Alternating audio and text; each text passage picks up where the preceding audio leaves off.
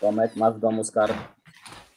O, słyszałeś? Słyszałeś, mężu? Jaki był komunikat? Y, nie ma słuchawek, masz w domu skarb. Przekazuję ci od Piotra. Piotr Lipiński dzisiaj razem z nami. Witam Was bardzo, bardzo serdecznie na profilu Rozmawiam, bo lubię. Cześć Piotrze. Dobry wieczór, witam wszystkich. Dzisiaj pomyślałam sobie, że mm, w pewnym sensie mamy przed sobą taki lot w kosmos, ponieważ jakakolwiek podróż samolotem pasażerskim jest dzisiaj e, równie wielką abstrakcją jak wyprawa w kosmos, ale od czego mamy wyobraźnię?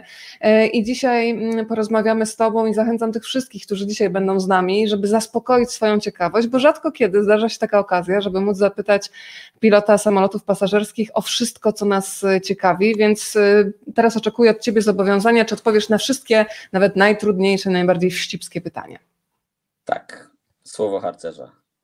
Albo no to najpierw, najpierw ustalmy fakty. Ci, którzy wczoraj nas troszeczkę podglądali, to już trochę wiedzą, e, ale powiedzmy, ile już lat jesteś e, za sterami samolotów pasażerskich? Pierwszy raz e, w ogóle za sterami nawet małego samolotu usiadłem w maju 1985 roku.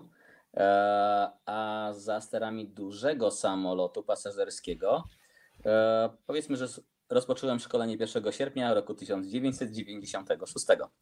Czyli gdyby liczyć od tej pierwszej daty, czyli lat 80., y, y, no to ponad 30 lat już za sterami. Nie, tak, kiepskie są no. z mamy, ale jeżeli tak mówisz, na pewno tak jest. Zupełnie o tym nie myślę, bo mi się wydaje, że to wszystko zaczęło się dopiero wczoraj, tak naprawdę. A możesz powiedzieć, że cały czas to latanie sprawia Ci taką samą frajdę jak na początku? Na początku byłem bardziej zestresowany tym lataniem, e, bo wszystko było przede mną, ale muszę powiedzieć, że e, jest naprawdę e, tak. Wiem, że jak idę latać, to jest to, co chcę, to jest to, do czego dążyłem i jestem całkowicie zrelaksowany i to mi daje taki bardzo wewnętrzny spokój. Bardzo. E, ale to jest tak, że ty czujesz, że idziesz do pracy, czy idziesz sobie polatać? Bo kiedyś powiedziałeś mi takie zdanie, że ty w zasadzie nie czujesz, że idziesz do pracy, że wychodzisz, e, tak jak niektórzy, od nie wiem, 8 do 16 czy do 18, e, tylko po prostu idziesz polatać. To jest tylko frajda, czy jednak no, trochę takiego spięcia związanego z pracą jest? Może spięcie takie typowo lotnicze, bo trzeba wszystko przygotować i, i tak, ale ja nie czuję, że chodzi do, do pracy. Ja idę sobie polatać. Naprawdę, tak było od samego początku. Eee, patrzę się z okna, mówię, ale dzisiaj będzie fajnie. Popatrzę się na chmurki i mówię, o dzisiaj będzie rzucać, dzisiaj będzie to, dzisiaj będzie coś innego. Nie, na pewno idę sobie 100%. Kiedy, kiedy powiedziałeś hasło, o dzisiaj będzie rzucać, to ja jak słyszę hasło i wsiadam do samolotu, dzisiaj będzie rzucać, to dziękuję Panu Bogu, że pilot tego nie mówi na głos, że o dzisiaj będzie rzucać. Lubisz, kiedy rzuca w samolocie? Nie. Nie, też nie. Nie, ale to, to jest coś takiego, że przynajmniej wtedy, bo tak jak jest spokojnie, to każdemu się wydaje, że tak jest zawsze. Kiedy troszeczkę rzuca, to my się śmiejemy, że e, żeby pasażer wiedział, za co płaci. No, bo no musi coś, trochę atrakcji jakieś są, prawda? Tak. E, jest adrenalina. Dokładnie, aczkolwiek też pamiętam pasażerów, e, którzy na przykład mówią po lądowaniu ha, ha, ha, ha, linie czarterowe to państwa rzuca, bo kiedy ja lecę jakąś inną linią normalną, to tam nie rzuca albo że na przykład w Boeingach nie rzuca, a w Airbusach rzuca, czy coś takiego. No, słyszymy różne pomysły na ten temat. E, ale prawda jest taka, że czasem rzuca, czasem nie rzuca. E, to jest e, bezpieczne. Tak powinno być i tyle. Aczkolwiek na pasażera to oczywiście komfort trochę spada tego lotu, kiedy rzuca, no ale czasem jest tak, że może rzucać przy starcie, przy lądowaniu, czasem może rzucać na przelocie. Przeważnie wiemy, czego się możemy spodziewać. Czasem jest tak, że myślimy, że będzie rzucać, a nie rzuca. Czasem jest tak, że wydaje się nam, że będzie masło, a no wychodzi e, inaczej. Piotrek, e, a kiedy mm, wróćmy do tego pierwszego momentu, e, kiedy w ogóle przyszła ci do głowy taka myśl, że zostaniesz pilotem, bo wiesz, to jest marzenie wielu małych chłopców, pięcio, sześcioletnich, tyle tylko, że z tych marzeń sześciolatków niewielu później to marzenie realizuje. Czy ty faktycznie o tym marzyłeś od dziecka, czy to było coś, co się pojawiło w momencie, kiedy już byłeś mężczyzną młodym? Od dziecka. Mogę powiedzieć, że pierwszą osobą, która pokazała mi samolot, była moja mama. O proszę. Tak, e, to jest tak naprawdę, ile mogłem mieć? Dwa lata, trzy lata. Mieszkałem e, na Żoliborzu, e, blisko Bemowa. Samoloty wtedy startowały, lądowały praktycznie nad domem albo się zniżały. I kiedy mama chciała, żebym na pewno zjadł zupę, to się dała, e, sadzała mnie przy balkonie, była łyżka i patrz, o Piotruś samolot leci, no to zrób a. Znamy to. Tak, Także y, tak to było i pa, też pamiętam pierwszy właśnie taki minus tego, że mama powiedziała, patrz samolot leci, zrób A, a samolotu nie było.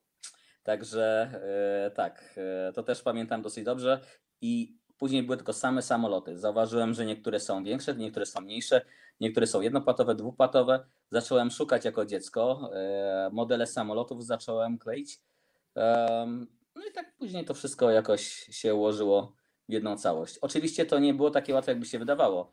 Trochę czasu zajęło, były różne problemy po drodze. To powiedzmy o tych problemach, wiesz co, bo też bym chciała trochę porozmawiać, bo bardzo często ludziom się wydaje, że jeżeli ktoś dzisiaj jest takim spełnionym człowiekiem i robi to, co kocha, no to właśnie poszło mu jak po maśle. A bardzo często za tym spełnieniem naszych marzeń stoi bardzo trudna, konsekwentna droga. To porozmawiajmy o tych szkoleniach, też o tym, ile trzeba Piotrek zainwestować, żeby móc zasiąść za sterami e, samolotu pasażerskiego, bo to jest naprawdę ciężka orka, zanim no, będzie ten moment satysfakcji, tak, to ja tutaj dowodzę. E, od razu powiem, z racji mojego e, początkowego szkolenia tyle lat temu i się szkoliłem w Stanach, a nie w Polsce, w związku z tym tak naprawdę ceny się bardzo zmieniły. Aczkolwiek na chwilę obecną, z tego co mówili mi koledzy, szkolenie my mówimy od zera do bohatera, czyli od zera do osoby, która może złożyć papiery do linii lotniczej, ponieważ ma wszystkie uprawnienia, to jest około 250, może 300 tysięcy złotych na chwilę obecną. Czyli jeżeli... kawalerka jakaś taka. Tak, jeżeli ktoś ma czas i pieniądze i naprawdę jest dobry, to może mu się uda w ciągu roku, półtora. Normalnie to zajmuje dużo, dużo e, dłużej. Tam jest bardzo dużo egzaminów teraz e, europejskie. Ja robiłem to troszeczkę inaczej. E, w Stanach w ogóle też jest też troszeczkę inny system szkolenia. E, nie mówię, że jest łatwiejszy czy lepszy, jest po prostu inny. Nawet się tego za bardzo nie da e, porównać. E, wiedziałem, że zawsze chciałem latać tak naprawdę samolotami. Wcale nie chodziło mi o linie lotnicze. Y, mhm. Muszę powiedzieć, że y, kiedy mieszkałem w Polsce, to wiedziałem, że w Polsce pilotem nie będę, bo miałem e, przegrodę nosa. E, skrzywiona przegroda nosa, tak? Tak, miałem dwie operacje jako dziecko, nie pomogło. Nie pamiętam jak to się stało, dlaczego miałem skrzywione. Mój braciszek mówi, że to dzięki niemu. Ale wiesz co, ja rozmawiałam kiedyś z laryngologami, podobno zdecydowana większość Polaków ma skrzywioną przegrodę nosową, że wyjątkami są ci, którzy mają wszystko naprawdę idealnie. E, tak. E, oczywiście pozdrawiam wszystkich, bo to się mi wyświetla, że ktoś tam e, oj z Gdańska, z Berlina. E, hej. Oj Magda Gudowska, pozdrawiamy cię Magda. Czy leci z nami pilot? Wsiadaj, zapinaj pasy, e, lecimy. Także wiedziałem, że mają tą przegrodę nosa. Wtedy w latach 70. i tak naprawdę w latach 70., kiedy byłem takim małym dzieckiem, wiadomo było, że aby zostać pilotem, trzeba być super, e, mieć zdrowie, ponieważ to był pierwszy, e, można powiedzieć, krok do lotu w kosmos. Bo piloci stawa, szli do wojska, tam e, jeżeli byli zdrowi, wszystko było w porządku, to może latali na myśliwcach, a z myśliwców to już później krok właśnie w kierunku generała Hermaszewskiego. Ale te migdałki, przegroda nosa, no wszystko to było na mojej drodze. Wszystko na nie. wszystko na nie, ale mówię, kurczę, no nie poddam się. Y, kiedy um, udało się wyjechać do Stanów y, z mamą i z bratem, co wcale nie było takie proste, bo to był rok 83, czyli zaraz później e, zaraz sobie tak, o, bardzo dobrze. Eee, Komentujesz, y, Jasia pisze, że latałeś y, nad jej domem, przyzwyczaiłam się do tego stopnia, że jestem w stanie rozpoznać podgłosie silnika typ samolotu. Czy to Bombardier, czy i tak dalej, mamy Boeingi i mamy Airbusy. Mi się bardzo spodobał, skoro jesteśmy przy Airbusach, Piotrek, bo zapomnę, twój żart na temat tego, czym się różni doświadczony pilot Airbusa od tego, który dopiero zaczyna. Pamiętasz? Pamiętam. No to mógłbyś tutaj zacytować? Dobrze, powiem tak, Airbus to jest rzecz europejska. Mhm. Samoloty są produkowane głównie w Toulouse, ale tak naprawdę w paru miejscach w Hamburgu, między innymi e, w Sewilli i tak dalej. E, I co mówi niedoświadczony pilot Airbusa, czyli pierwszy oficer mówi do kapitana, słuchaj, co ten samolot robi? Na to kapitan odpowiada, hmm, zobacz, znów to robi. No i to mniej więcej jest e, coś takiego. Dużo techniki, dużo elektroniki, tak naprawdę to był pierwszy samolot taki fly-by-wire, e, czyli bardziej elektroniczny, e, kiedy wyszedł. Oczywiście technologia już była przez wiele lat stosowana w samolotach wojskowych. ale wtedy było dużo nowości właśnie dla samolotów cywilnych i tak naprawdę do dzisiaj cały czas, raz na jakiś czas się pojawiają się takie małe problemy, o których oczywiście Państwo nie słyszą i bardzo dobrze. W ogóle nie słyszałam tego. Nie, nie, nie, nie. No ale jak widać, lata się bezpiecznie. Ale powiedz Piotr, co powoduje, a wy mówicie na Boeingi Benki, to jest prawda czy nie? Tak, taki skrót Benek. Benek, no to powiedz mi, co powoduje, że na przykład Airbusy szczekają czasami przy lądowaniu, a Benki jednak są milczące. Ja mam, dobrze wiesz, że mam słabość do czworonogów i zawsze jak słyszę takie szczekanie po lądowaniu Airbusem, to się zastanawiam o co chodzi, czy tam jest jakiś szczeniak po prostu uwięziony pod podwoziem. Ej, to są, do, e, akurat e, siedziałaś pewnie nad skrzydłem albo gdzieś tam w środkowej części samolotu. I Często siedzę przy wejściu ewakuacyjnym i mam więcej miejsca na nogi. Dokładnie, no potrzebujesz. Także e, tak, no jak żebyście wiedzieli, jak jestem koło Weroniki, to zawsze się muszę patrzeć tak do góry, prawda? Także, e, Żyrafa od, od podstawówki. Nie, bardzo okej, okay, bardzo okej. Okay. E, no tam w tym Airbusie są dodatkowe e, pompy hydrauliczne i to, co słychać mhm. właśnie są te standbyowe pompy hydrauliczne, które tak e, wydają głos, można powiedzieć, czy się to podoba, czy nie i bardzo dużo osób na to zwraca uwagę. Tak, to jest ok, tak powinno być, choć jak lecę czasem Airbusem jako pasażer, sam z tego się trochę nabijam. Ale tak tylko A, ale też sobie żartujecie w kabinie, że dzisiaj na przykład Hart albo Doberman szczeka, bo to wiesz, ten poziom dźwięku też jest, można sobie tutaj to, dopasowywać rasę. Słychać, w kokpicie tego nie słychać. Tak naprawdę wystarczy A. troszeczkę bardziej usiąść z przodu czy z tyłu i tego nie będzie słychać. Także to jest tylko dla tych, co siedzą nad skrzydłem, przy wyjściach awaryjnych yy, i tyle.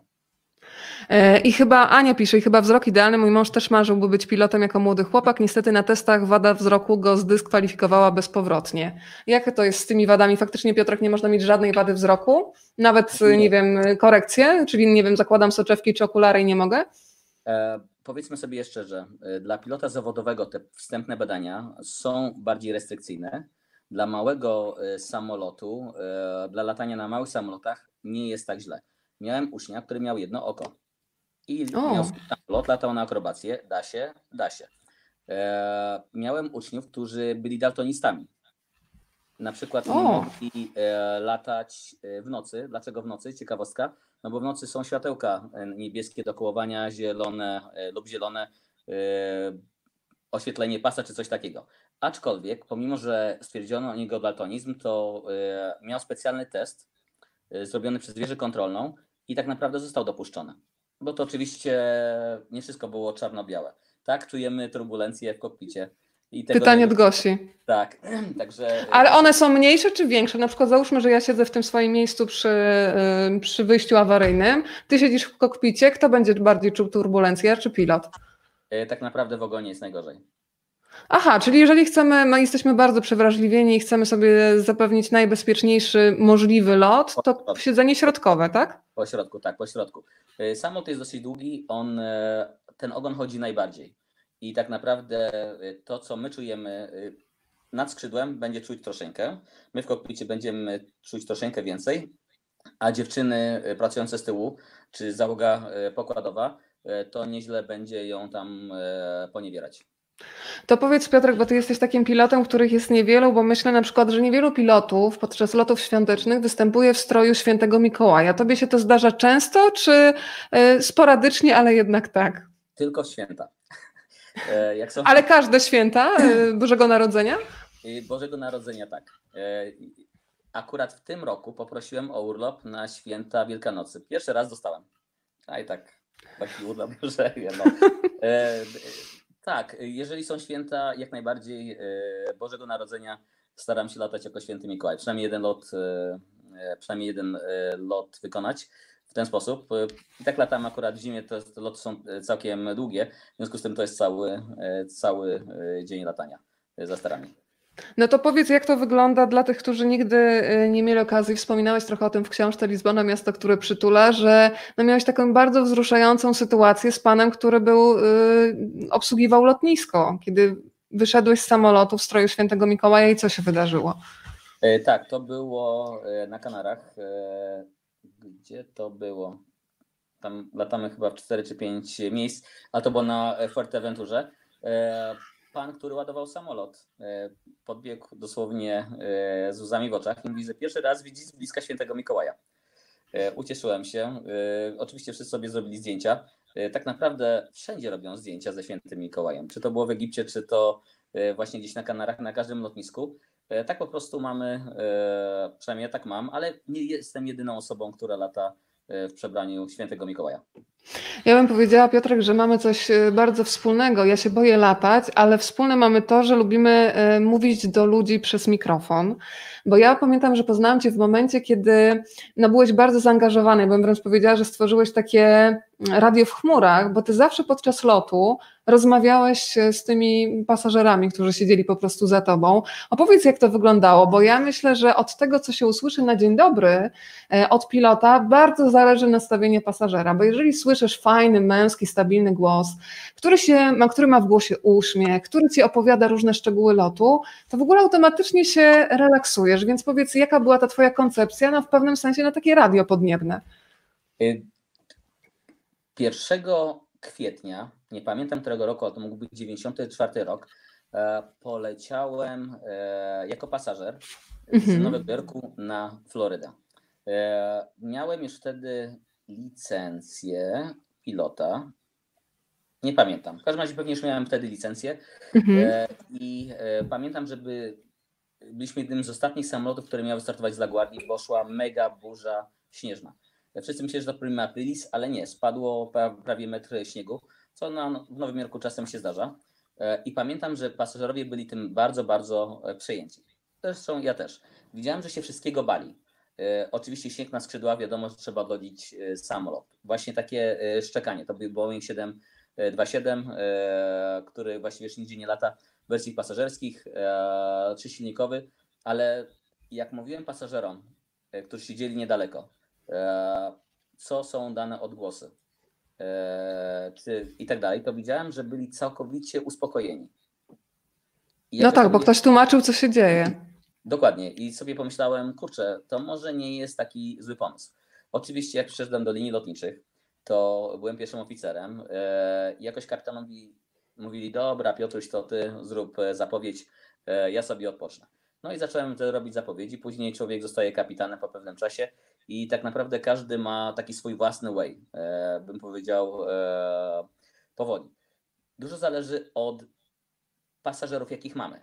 Ja latam na połączeniach czarterowych, gdzie tak naprawdę mamy bardzo wyluzowanych ludzi. Oczywiście w nocy tego nie będę mówić jeżeli jest pasażer biznesowy i jest bardzo poranny lot, no to tego że też nie powiem. Mogę to rzucić troszeczkę na sam początek, później na sam koniec, ale dam im odpocząć, bo chodzi też, żeby troszeczkę się w samolocie zrelaksować. Także to nie jest tak, bym powiedział, brzydko mówiąc, na hama, prawda? Tylko tak, e, staram się, żeby to było e, z jakimś tam taktem zrobione. E, I zawsze się znajdzie gdzieś tam malcontent, wcześniej czy później. Ale okej, okay, większości ludzi to się podoba. To jest chyba Ale organizowałeś też, pamiętam, e, konkursy, w których były do wygrania na przykład kanapki z przedziału pilota. Na czym e, polegały konkursy, jabłka, które organizowałeś? Jabłka, jabłka okej. Okay. E, tak naprawdę tak. Kiedy było to trudne i może jedna czy dwie osoby, to jeszcze pół biedy, ale jak się okazało, że pół samolotu zna odpowiedź, to później było trudno to jabłko Podzielić. Ale jakie były tak. pytania? Na przykład co? Przelatywaliście nad konkretną rzeką i pytałeś na przykład, co to jest za rzeka? Nie wiem, pytania geograficzne, historyczne, o co chodziło? Nie, geograficzne. Na przykład e, takie, jak ponieważ latamy taki bardziej na zachód czy południowy zachód, e, to lecimy pomiędzy Genewą a e, Zurichem. W związku z tym pytanie, jak się nazywa stolica Szwajcarii? Mhm. No i pewnie. I czekoladki do wygrania powinny być. Nie, Szwajcarskie. No nie było, nie było dinta, nie było nic, e, tylko było jabłko, ale ludzie się cieszyli nawet e, z jabłka. E, oczywiście to ani Genewa, ani Zurich, to jest e, Bern, prawda? Takie małe coś pomiędzy tymi dwoma miastami, które przeważnie widać z lotniska, ale różne były pytania, na przykład po której stronie Cieśniny Gibraltarskiej leży Hiszpania, po północnej czy po południowej. Mm -hmm. No oczywiście mówią, no jak to? Oczywiście, że po północnej, no ale nie, leży po obu stronach. Piotrek, to mnie zastanowił wpis pani Janny. Piotrek to też śpiewający pilot. Ja cię nigdy śpiewającego nie słyszałam, wytłumaczysz ja się? Ja ciebie też, panie, nie, nie, nie, to, nie. Ale to skąd, skąd ta opinia? Na, pod prysznicem nie śpiewam, jak słowo daję. Mam zakaz śpiewania w domu. No to y, ja nie wiem, czy Janna cię zna, czy nie, bo skądś ta jednak wypowiedź jednak, wiesz, Właśnie zastanawiam się, ale nie, śpiewający na pewno nie. Słowo daję, przyrzekam. Nie, nic śpiewającego e, jakoś nie przypominam sobie. Latałem z kolegami, którzy bardzo ładnie e, śpiewają, naprawdę. Pierwsi oficerowie czy paru kapitanów naprawdę mieli głos. E, w chórach e, e, też śpiewali i było super, ale przeważnie to... Ale śpiewali też dla pasażerów? Okej, dobrze. Ale śpiewali czy nie? Przypominam sobie, śpiewałem raz. Yy, Ha, jednak. Tak, śpiewałem. Aczkolwiek to było zanim pasażerowie weszli na pokład. A co to był za performance? Pamiętasz, co śpiewałeś? Tak, pamiętam. No Ponieważ mógłbyś, to, mógłbyś zanucić? yy, to powiem tak, to było na dwa głosy. To był. Julio Iglesias i Willie Nelson. Mhm. E, to all the girls we loved before. No nie, no to słuchaj, zanucisz chyba, co? Nie. Nie. Dobra, nie będę ci tego robić. Nie, ja, byłem, ja byłem Willie Nelsonem. Kolega, ja byłem Willie Nelsonem, kolega był Julio Iglesiasem. Naprawdę. Pozdrowienia mamy, słuchaj, z Lizbony. A propos Lizbony, zresztą Aga zapytała, czy cię poznałam na pokładzie samolotu Lizbony. Nie, poznałam e, Piotra dzięki Bertkowi Jędrzejakowi, czyli Dokładnie. człowiekowi, który zawsze przekazuje dobrą pogodę w e, Dzień Dobry TVN, niezależnie od tego, co jest za oknem, bo on ma po prostu tą e, pogodę w środku. Natomiast ja muszę powiedzieć, Piotrek, że jak zawsze mnie rozbrajasz kompletnie, rozkładasz na łopatki, kiedy dostaję od ciebie mm, MMS-y ze zdjęciami Twoja Lizbona nocą na przykład, albo w ciągu dnia i bardzo Ci za to dziękuję teraz publicznie, bo jeżeli się kocha dane miejsce i można je zobaczyć jeszcze z, z tak wysoka, to jest super. Powiedziałeś fajną rzecz, że wszystko zależy też od tego, jacy są pasażerowie. Słuchaj, na ile wy macie jakiś taki kontakt? Chodzi mi o takie drobnostki, czyli właśnie ktoś wchodzi, już jest w zasadzie wchodzi do samolotu i czasami tam zagląda właśnie, kto pilotuje. E, Puszczasz uśmiechy, zagadujesz, jeżeli możesz. Dla mnie to jest bardzo ważne, jak dostaję uśmiech na dzień dobry od pilota, to w ogóle siadam i jestem zadowolona. E, Jest, są linie lotnicze, gdzie kapitan raczej ma wpisane w zakres obowiązków bycie przed kokpitem, żeby pasażerów witać i żegnać. E, Jeżeli mam na to czas, jak najbardziej staram się to robić. Drzwi do kokpitu mam otwarte podczas boardingu i po lądowaniu, żeby każdy mógł rzucić oko. Niektórych to interesuje, niektórych nie, ale ogólnie widzę, że ludzie są spokojniejsi, kiedy widzą, że tam są dwie żywe jednostki, czasem nawet więcej. To Mhm. uspokaja. Jeżeli ktoś chce powiedzieć parę słów, no, raczej przy wchodzeniu to nie ma czasu. Bardziej przy, przy wychodzeniu z, z samolotu to jak najbardziej zapraszamy. E, Czasem tak jest. E, Także. e, A to właśnie, słuchaj, to pytanie Ci w sumie zadałam, ale oczywiście nie wszyscy książkę czytali, ale o tym rozmawialiśmy, że ja bardzo często, kiedy już jesteśmy na ziemi i ja w ogóle się już wtedy luzuję, że już jestem w dobrym miejscu, mam naprawdę ochotę zajrzeć właśnie do pilotów i po prostu ich wyściskać i podziękować za to, że już jesteśmy bezpiecznie. Czy wyrywać się w takich sytuacjach, czy to jest absurdalne i lepiej tego nie robić? em, mi się wydaje, to wszystko zależy od pilota, od załogi. Mhm. E, Niektórzy koledzy e, lubią być odseparowani od wszystkiego i to jeszcze było przed koronawirusem. E, Tak. tak. Niektórzy są tacy bardziej, bym powiedział, troszeczkę wyluzowani, bo chodzi o, pas, e, o pasażerów w Mhm. ogóle, że tam jak radzicie sobie podczas porywistych wiatrów, jak ostatnio, e, jak na Maderze. Tak, na Maderze wieje, rzeczywiście. E, powiem, em, my chyba się nie zastanawiamy, jak my to robimy. Po prostu to musi być zrobione, lądujemy i tyle. Po Także prostu. Po prostu.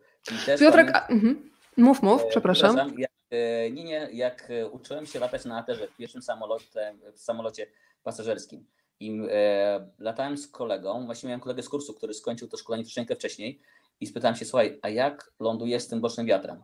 Bo samolot ma bardzo wysoki środek ciężkości, jest po prostu taki trochę nie, niesterowny. E, a on powiedział, słuchaj, po prostu się patrzę za okno. I my robimy dok- Mhm. dokładnie tak samo. Nawet jak mgła, to też patrzymy prawda, przed siebie, e, żeby było dobrze. Raz wychodzi lepiej, raz wychodzi gorzej. No cóż, e, mam nadzieję, że jak ktoś leci ze mną, to wychodzi naprawdę dobrze. Piotrek, a przypomnij sobie swój pierwszy nocny lot, bo dla mnie to jest y, coś nie do wyobrażenia, zawsze jako też dla pasażera, że te tony po prostu żelastwa, raz, że się podnoszą, to ja do tej pory, dla mnie to jest zawsze kosmos, ale dwa, że sobie wyobrażę, że tak naprawdę lecę w czarną dziurę, żeby nie powiedzieć bardziej dosłownie. Jakie to jest wrażenie? No bo jeżeli jeszcze jest dzień, jakoś rozumiem. Ja już nawet jeżdżenia samochodem. Uwielbiam Mhm. nocne loty, aczkolwiek kiedy się uczyłem latać w nocy, e, w nocy No. e, tam trudno o ciemne miejsce. E, latałem na Long Island, e, to mniej więcej było około 50 km na wschód od e, miasta. To miasto zawsze było widoczne światła. I tak Mhm. naprawdę wszystkie miasteczka się razem. E, e, o, kolega radiowiec. No proszę bardzo. E, także te światła zawsze były. Oczywiście na południe od Long Island jest Atlantyk, także tam było ciemno.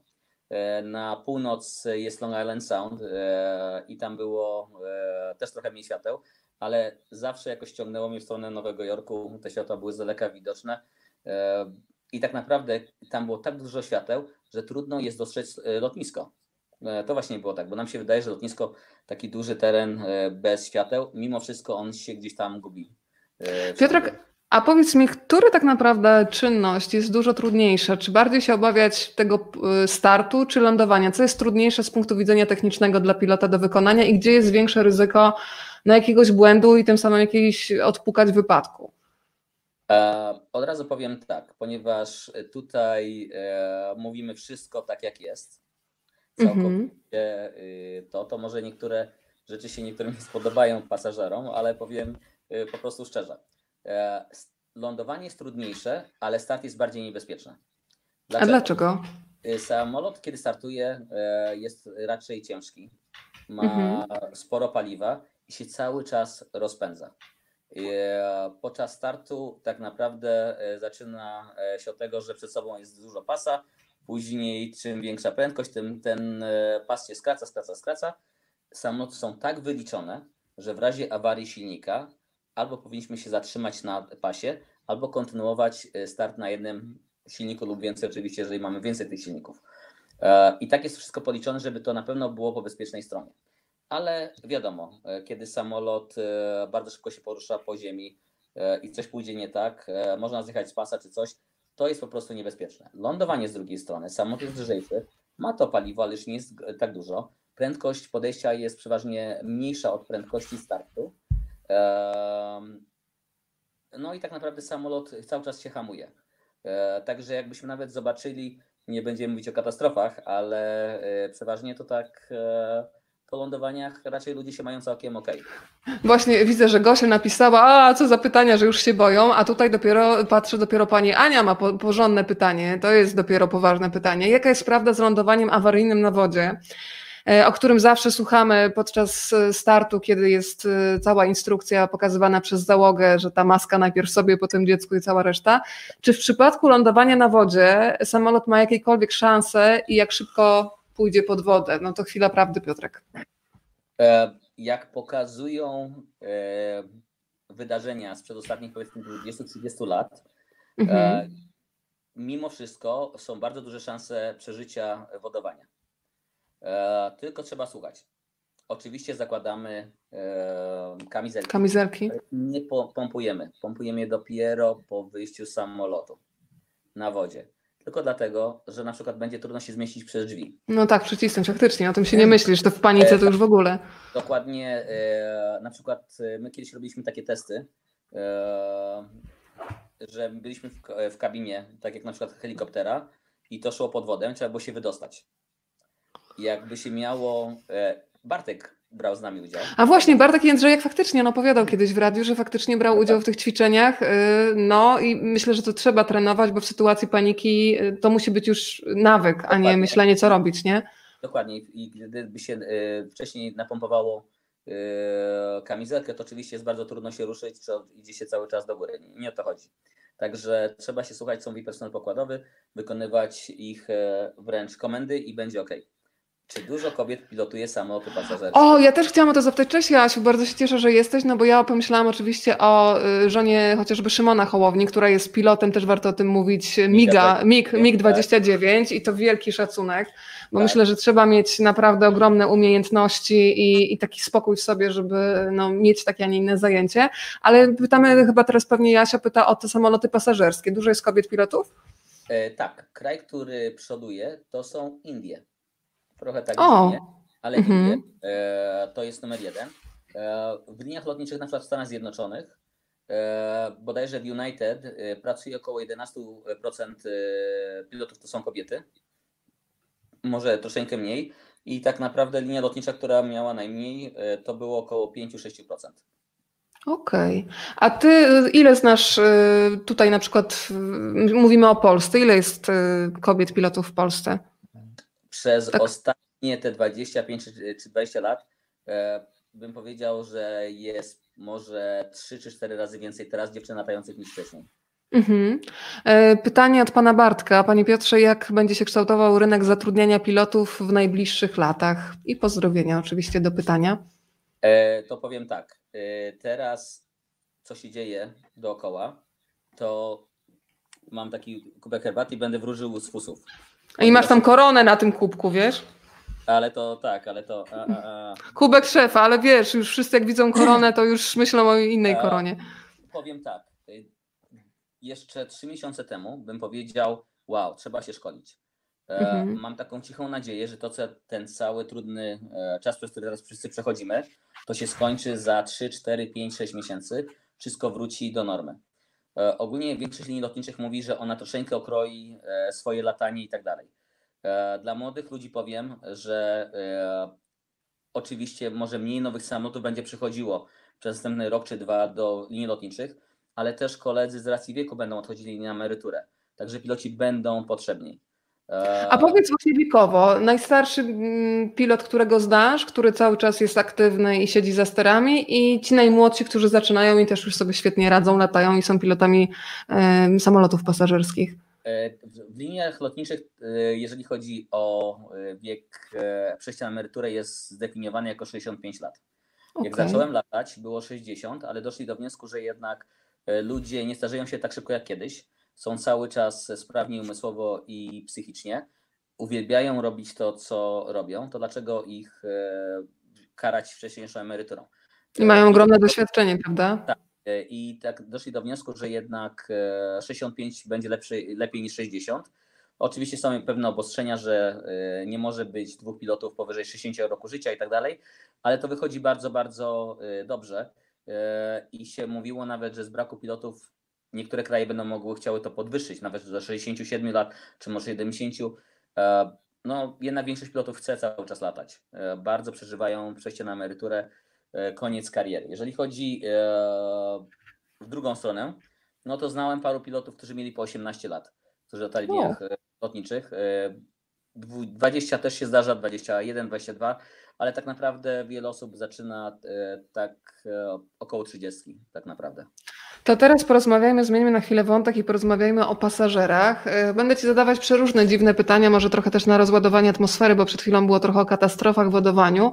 To zastanawiam się, jak często Wam się zdarzają ludzie z fantazją, nie wiem jak ich określacie, ale tacy, którzy na przykład mm, no, mają ochotę zrealizować swoje fantazje podniebne i nagle zaczyna się seks w samolocie, myślę oczywiście o ustronnym miejscu. Pomyślałam, że to pytanie też zadam. Czy do, czy do pilotów w ogóle takie wieści dochodzą od y, y, ekipy? Czyli myślę tutaj o stewardessach, które muszą pilnować porządku. To chyba, to chyba na YouTubie czy Liveliku takie rzeczy widziałem. E, bo rzeczywiście znajomi przesyłają mi e, czasem takie filmiki. Um, czy ja e, oczywiście nie widziałem tego wcześniej. Całe szczęście. I raczej słyszałem bardziej od pasażerów. A zobacz, mhm. jak ja leciałem, to ja to widziałem, czy ja to widziałam, czy coś takiego. Tak. I takich parę osób znam, które widziały obok siebie, czy coś takiego, e, ale jakoś personel pokładowy, albo mam szczęście, że nic się takiego nie zdarzyło na moim locie, albo po prostu nie, nie e, byliśmy o tym poinformowani. No to e, wchodzimy znowu do toalety i tym razem chodzi mi o coś, czego nie mogę zrozumieć, bo to jest narażanie wszystkich podczas lotu, czyli palenie, a potem udawanie, że ja nie paliłem. Bo przecież macie to... czujniki od razu, wiecie, że ktoś był w tej toalecie i, i jarał tak. po prostu fajki. Dokładnie. I bym powiedział, że to jest problem numer jeden. To plus alkohol na pokładzie, e, mhm. z którym tak naprawdę walczymy i agresja. Lata coraz więcej ludzi. Kiedyś latanie było wygodne. Teraz jest stres latania. Przejście przez odprawę, przejście przez e, strefę bezpieczeństwa, e, boarding. Wszyscy szybko, szybko, szybko. E, naprawdę jest duży, duży problem. No i wiele osób próbuje się zrelaksować na przykład e, drinkiem dwoma lub e, trzema lub czasem nawet więcej. Czasem to wychodzi lepiej, czasem to wychodzi gorzej, tylko że czasem się wspomagają jeszcze dodatkowo w powietrzu, a trzeba pamiętać, że z powodu niskiego ciśnienia każdy drink w powietrzu to tak jak trzy na ziemi. Wow. Także można się To ja bym naprawdę, była nieżywa po jednym w takim razie. także trzeba naprawdę uważać. E, I tacy pasażerowie są problematyczni. E, Zdarzyło mi się parę osób wysadzić na wyspach lub miejscach e, z daleka od ich celu podróży, bo po prostu byli tak nieznośni w stosunku do, do załogi, do innych pasażerów. Ktoś niepoczytalny. Pytanie od Agnieszki dla tych, którzy, kto Tak. mógłby interweniować, gdyby na pokładzie znalazł się ktoś niepoczytalny? E, No my staramy się nie interweniować z prostej przyczyny. Dobrze byłoby, gdyby jednak dwóch pilotów było w kokpicie, żeby tym samolotem wylądować, e, kiedy jest problem e, na pokładzie. Poseł tak, na pokładzie też może być problemem? byli Pytanie od pani. By, by, byli bardzo częstymi problemami, na przykład kiedy były komórki wchodziły i był zakaz rozmawiania, nadal jest, przez ko- używania ko- telefonu komórkowego. Na początku tak naprawdę nie bardzo wiadomo było, dlaczego tak jest, ponieważ one czasem telefony źle wpływały na systemy nawigacyjne samolotu. Tutaj mówimy e, przed rokiem 2000 i tak dalej. I rzeczywiście ludzie się burzyli.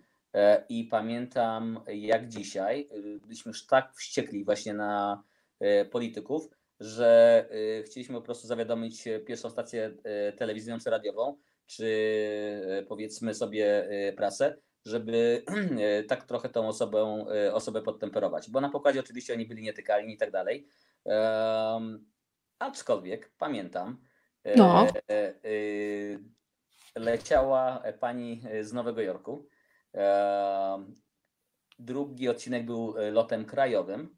Mhm. Jeden z naszych bardzo dobrze znanych parlamentarzystów oczywiście rozmawiał przez telefon. Kiedy stewardessa e, poprosiła go ładnie, żeby odłożył telefon, e, on się na nią spojrzał, odwrócił się e, i rozmawiał dalej. Ona go poprosiła po raz drugi.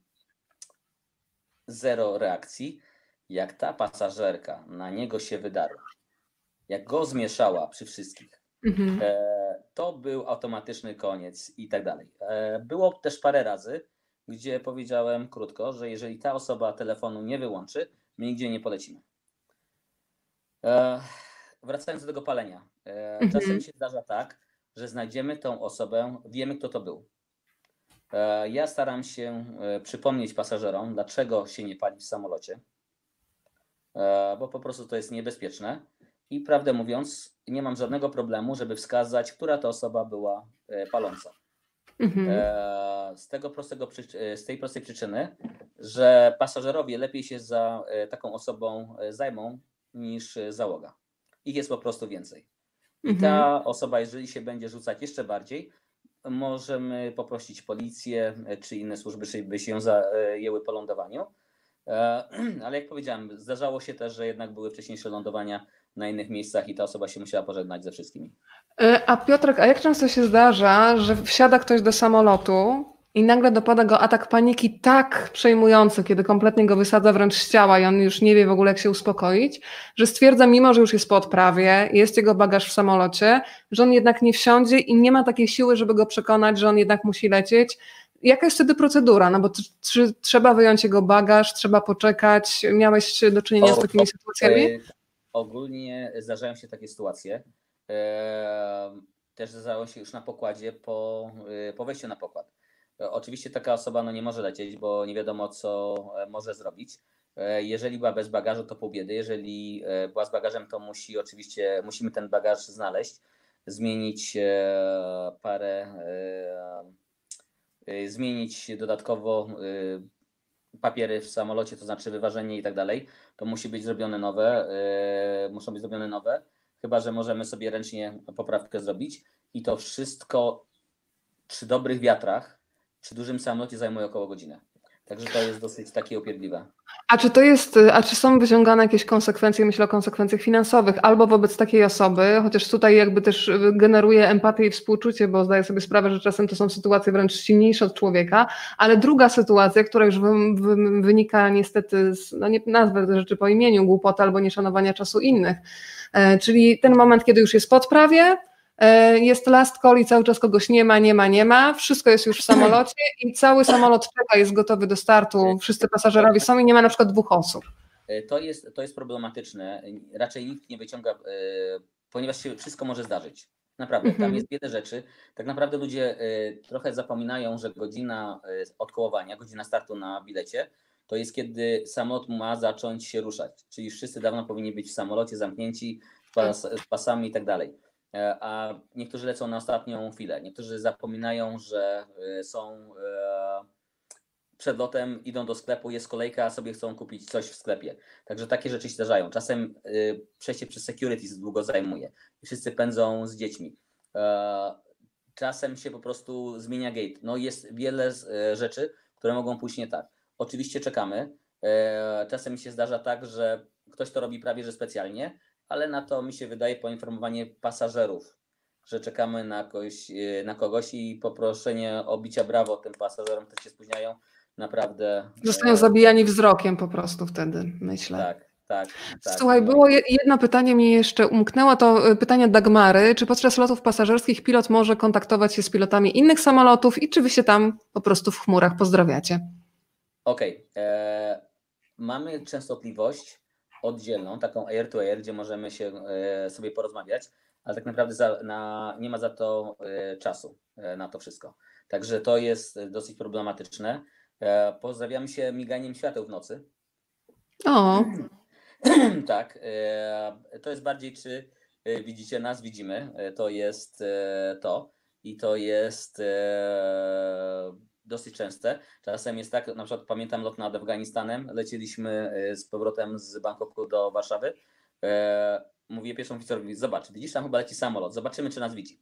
Włączyliśmy światła e, do lądowania, a nie tylko ten samolot włączył, ale siedem innych samolotów, które leciało za nim, których nie widzieliśmy po prostu, były tak daleko, ale my włączyliśmy to wszyscy sobie powłączali. Także to było to. Tam jeszcze było wcześniej pytanie na temat badań lotniczych. Tak, tak, tak, E, dokładnie. Właśnie e, go szukam tutaj, przebijam, ale jest tak. ich dużo, zaraz wyświetlę. Bo ty widzisz lepiej, ja nie mam w ogóle podglądu ani kto, kto, e, kto nas ogląda, ani nic. Ty widzisz wszystko, ja nie mam Ja nic. dzisiaj, ja po prostu pilotuję tę maszynę dzisiaj, dlatego Dokładnie. widzisz, są pewnie nie- niedoróbki.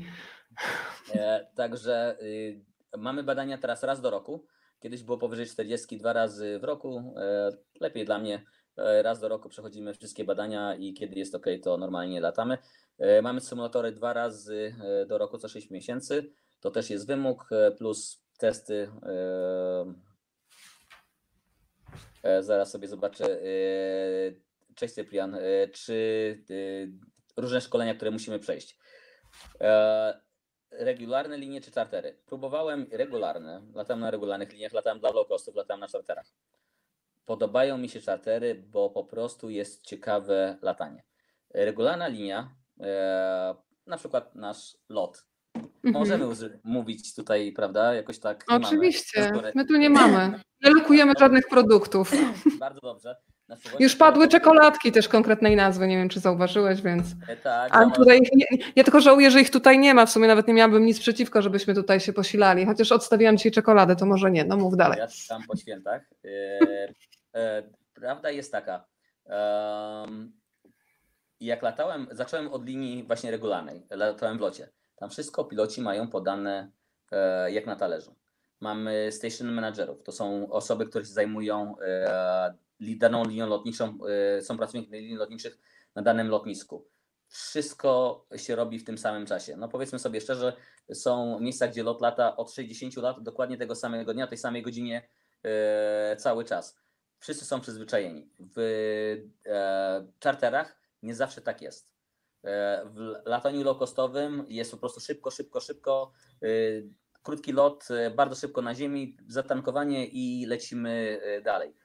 Inny trochę typ latania. Mi odpowiada latanie czarterowe. Biznesowe, dyspozycyjne, próbowałem parę razy, tak po prostu zobaczyć jak to jest. E, To też jest ok. To, to jest zupełnie troszeczkę inaczej, bo to są długie godziny oczekiwania, trochę jak w wojsku. Ale to jest, ale ty mówisz o takich sytuacjach na przykład prywatnych jetów, którymi latasz i ty jesteś pilotem? O takim biznesie mówisz? Okej. Tak, i te- takie latanie dyspozycyjne. Um, e, zupełnie inaczej. Ja uwielbiam latać. E, Czartery dają mi e, długie loty, krótkie loty, e, duża zmienność lotnisk. E, Uwielbiam coś takiego. Oczywiście dnie, noce i tak dalej. Zawsze coś się dzieje, coś ciekawego. Piotrek, pytanie o twojego bloga. Czy jest szansa na powrót do bloga? Super się to czytało, pan Piotr. E, dzięki. E, powiem tak. Codziennie mam nadzieję, że usiądę i napiszę następny odcinek. E, jeżeli ktoś e, by chciał przeczytać, zapraszam lotnictwo.net.pl. Tam jest zakładka blogi. E, mu się nazywa. Boże, tak dawno nie pamiętam, że blog nazywa. Codziennie w powietrzu. No to będzie all over w każdym razie. Jak tam jest parę blogów i to są fenomenalne, naprawdę polecam. W każdym razie jestem jako all over i, e, i tam to jest lotnictwo.net.pl. Um, kiedy latałem właśnie na, na long haul, czyli dalekim zasięgu, to było tak, że lot trwał 10-12 godzin, lądowałem gdzieś i miałem prawie że tydzień, żeby napisać yy, odcinek. Najlepiej to się robiło zaraz po lądowaniu, kiedy wszystko było na bieżąco. Miałem nawet notatki. E, Mhm. Aczkolwiek ostatni lot na 767 nie opisany, tylko notatki mam cały czas, tylko nie opisane. To chyba jak wracaliśmy z Hondurasu do, do Włoch. W każdym razie na lataniu na 737, kiedy lotów jest dużo więcej, tak naprawdę za bardzo nie ma czasu na pisanie tego bloga. Każdy odcinek zajmuje około 3-4 godzin. Wydaje się, że to jest bardzo mało. e, Krótkie są te odcinki, ale jakoś tak strasznie dużo mi to czasu zajmuje e, i trudno znaleźć czasem w domu te 3-4 godziny, bo, e, cześć Tomek, bo ponieważ tak się zdarza, że zawsze jest coś do zrobienia. No, zresztą normalne życie, prawda? My poza tym, że latamy, to mamy swoje normalne życie na Ziemi. O, to właśnie normalne życie na Ziemi cię chcę trochę wypytać, bo ty mm, swoją drogą trochę prowadzisz taki żywot też marynarza, na przykład kiedy mówimy o czarterach. Jeżeli na przykład wylatujesz, to ile cię nie ma w domu? Różnie. Ile tam tęsknią? Opowiadaj. E, Bywało, że po 6 tygodni. Ojej, to strasznie długo. I jak sobie, jak sobie rodzina to układa? No bo to też naprawdę trzeba dopracować, bo masz przecież fantastyczne dzieciaki, żonę. E, Jak sobie to układacie? No bo to jest taka nieustanna tęsknota. Chyba się trochę dziwią, że jestem z powrotem. Czyli zaburzasz porządek, jak, który sobie ustalili bez ciebie. Mi się wydaje, że to będzie, mi się wydaje, że teraz będzie dobry czas właśnie na zobaczenie, jak to ma reszta społeczeństwa. Bo albo jesteśmy sobie na głowie cały czas siedzimy, albo na Mhm. przykład ktoś ma kwarantannę. Nie ma kogoś w domu przez dwa tygodnie, może troszeczkę dłużej, bo pracuje w służbie zdrowia, może Tak. jeszcze jest tutaj, nagle wraca i co? I nie wiadomo, co z tą sobą zrobić. No i jak teraz jest u was w domu, powiedz, bo u mnie czasami jest już wybuchowo, chociaż my często siedzimy w domu razem, ale już po tym miesiącu non-stop różnie bywa. Iskrzy oczywiście, iskrzy, bo jest miłość, ale jest wybuchowo. Jeszcze mam wiele rzeczy do zrobienia dookoła domu. A, czyli jest, jest w takim razie e, na co spożytkować e, emocje.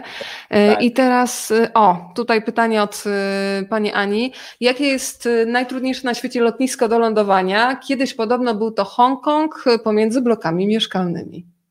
Mi się wydaje, że każde lotnisko e, inaczej, na super niebezpieczne lotniska się nie lata. No ogólnie nie ma lotnisk super niebezpiecznych. Są lotniska specjalnej troski, tak to nazywam. E, najgorsze lotniska są pewnie takie, gdzie e, trzeba wylądować, bo nie ma możliwości przejścia na drugi krąg. Bo na przykład Mhm. jest góra na końcu pasa czy coś takiego. E, takie e, lotnisko, które przychodzi oczywiście wszystkim w pierwszej, e, pewnie pierwszej myśli, to jest Lukla e, w Nepalu. Bardzo krótki pas, właśnie z jednej strony góra, podejście za durwiska. Wow, naprawdę coś. Aczkolwiek tam są piloci specjalnie certyfikowani, którzy latają tylko na to lotnisko. Ja akurat tam tylko widziałem z powietrza, pomimo że w Nepalu latałem i tam e, mieszkałem. E, super. Hongkong, e, duży pas, tam podejście było takie trochę właśnie specyficzne. Latałem do Hongkongu, ale już na to nowe lotnisko, niestety nie, to stare e, zamknęli zanim tam doleciałem. Tak, duże samoloty, tak jak Jumbo czy DC-10 miały tam problemy. E, Wszystkie lotniska, gdzie trzeba manewrować na niskiej wysokości, e, są potencjalnym problemem, ale jak widać, jakoś się udaje. E, No, pada między innymi pytanie też o Maderę od pani Agnieszki. Ja pamiętam kiedyś taki fantastyczny filmik wrzuciłeś do sieci, że faktycznie no jest y, z, perspektywy laika wygląda to naprawdę niebezpiecznie, bo ma się wrażenie, że pas startowy i pas do lądowania się po prostu kończy. E, Bo on się kończy, rzeczywiście, urwiskiem po obu stronach, ale takich lotnisk jest e, sporo. E, Na Maderze rzeczywiście na ten po- podejście bardziej spektakularne trzeba cały czas e, właściwie e, mamy niekończący się zakręt, on się kończy na 15 sekund przed lądowaniem E, i oczywiście to trzeba się dobrze wstrzelić, ale to wszystko, wszystko, e, o właśnie, Fonte Almadera, prawda?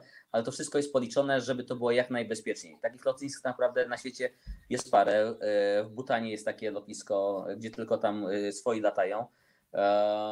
Gdzie tam jeszcze w Ameryce Południowej chyba jest jeszcze taki, jest takich parę lotnisk na świecie.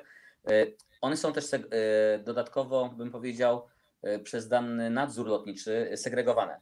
I na przykład, żeby latać na Maderę, musimy mieć specjalne e, przeszkolenie.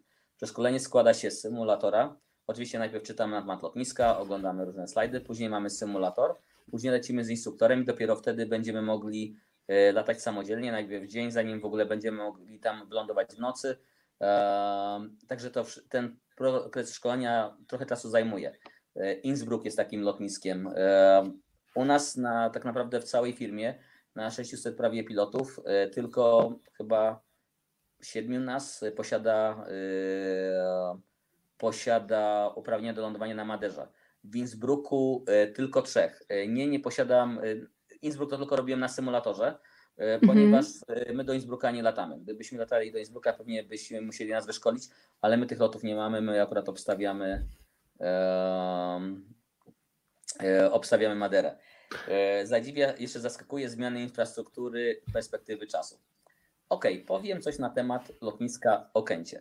Kiedy zacząłem latać e, w locie, to był rok 96, e, wieża nam nie musiała mówić, gdzie kołujemy po lądowaniu, ponieważ my wiedzieliśmy, że samolot o tych znakach zawsze mhm. dostawał to samo miejsce parkowania.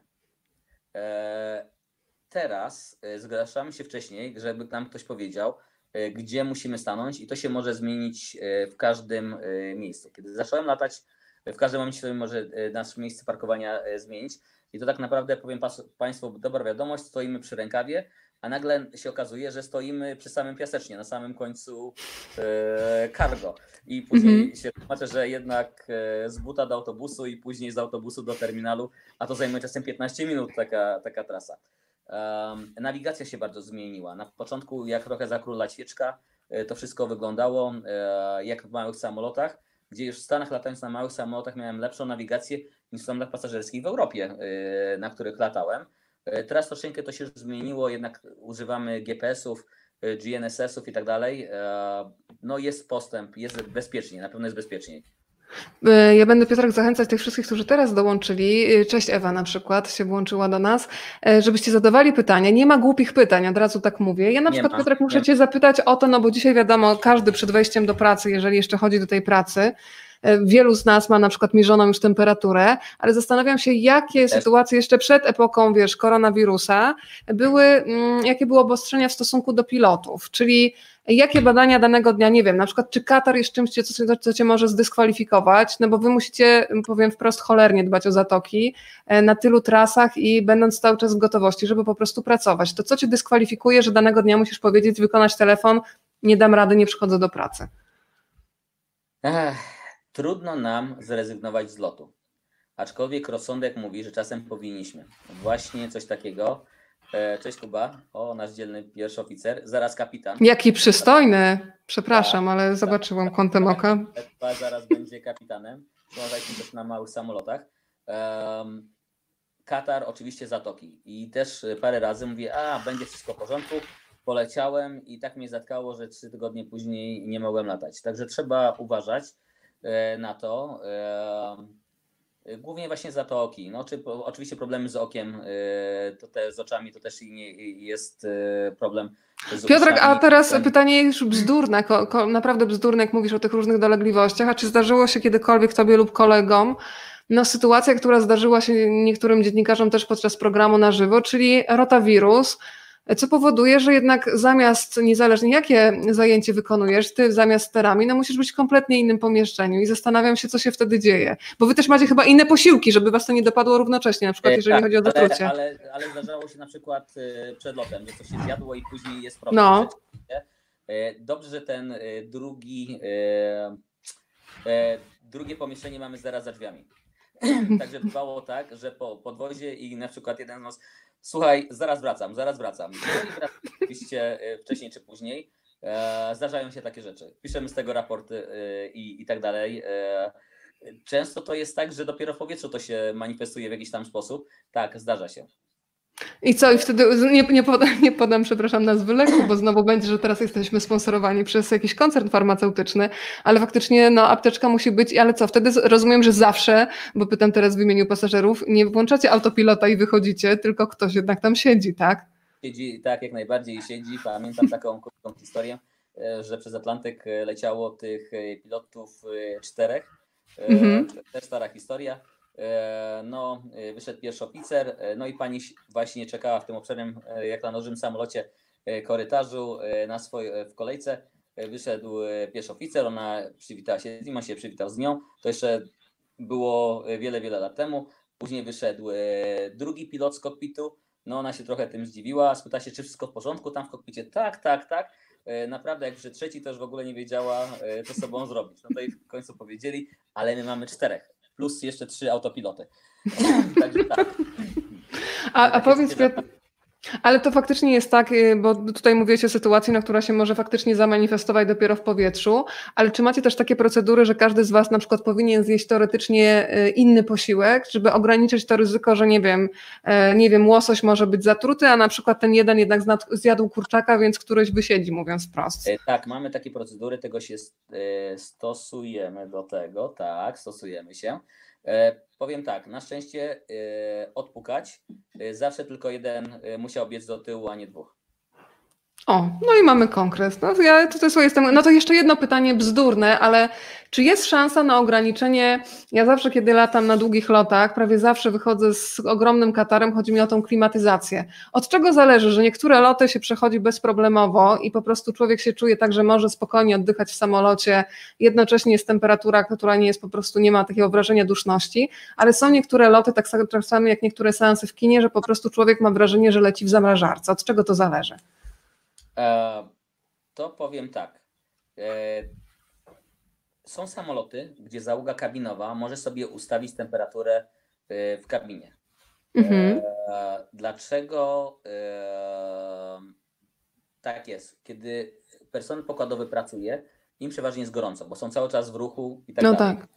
No oni chcą pracować w komforcie, czyli pasażerowie marzną.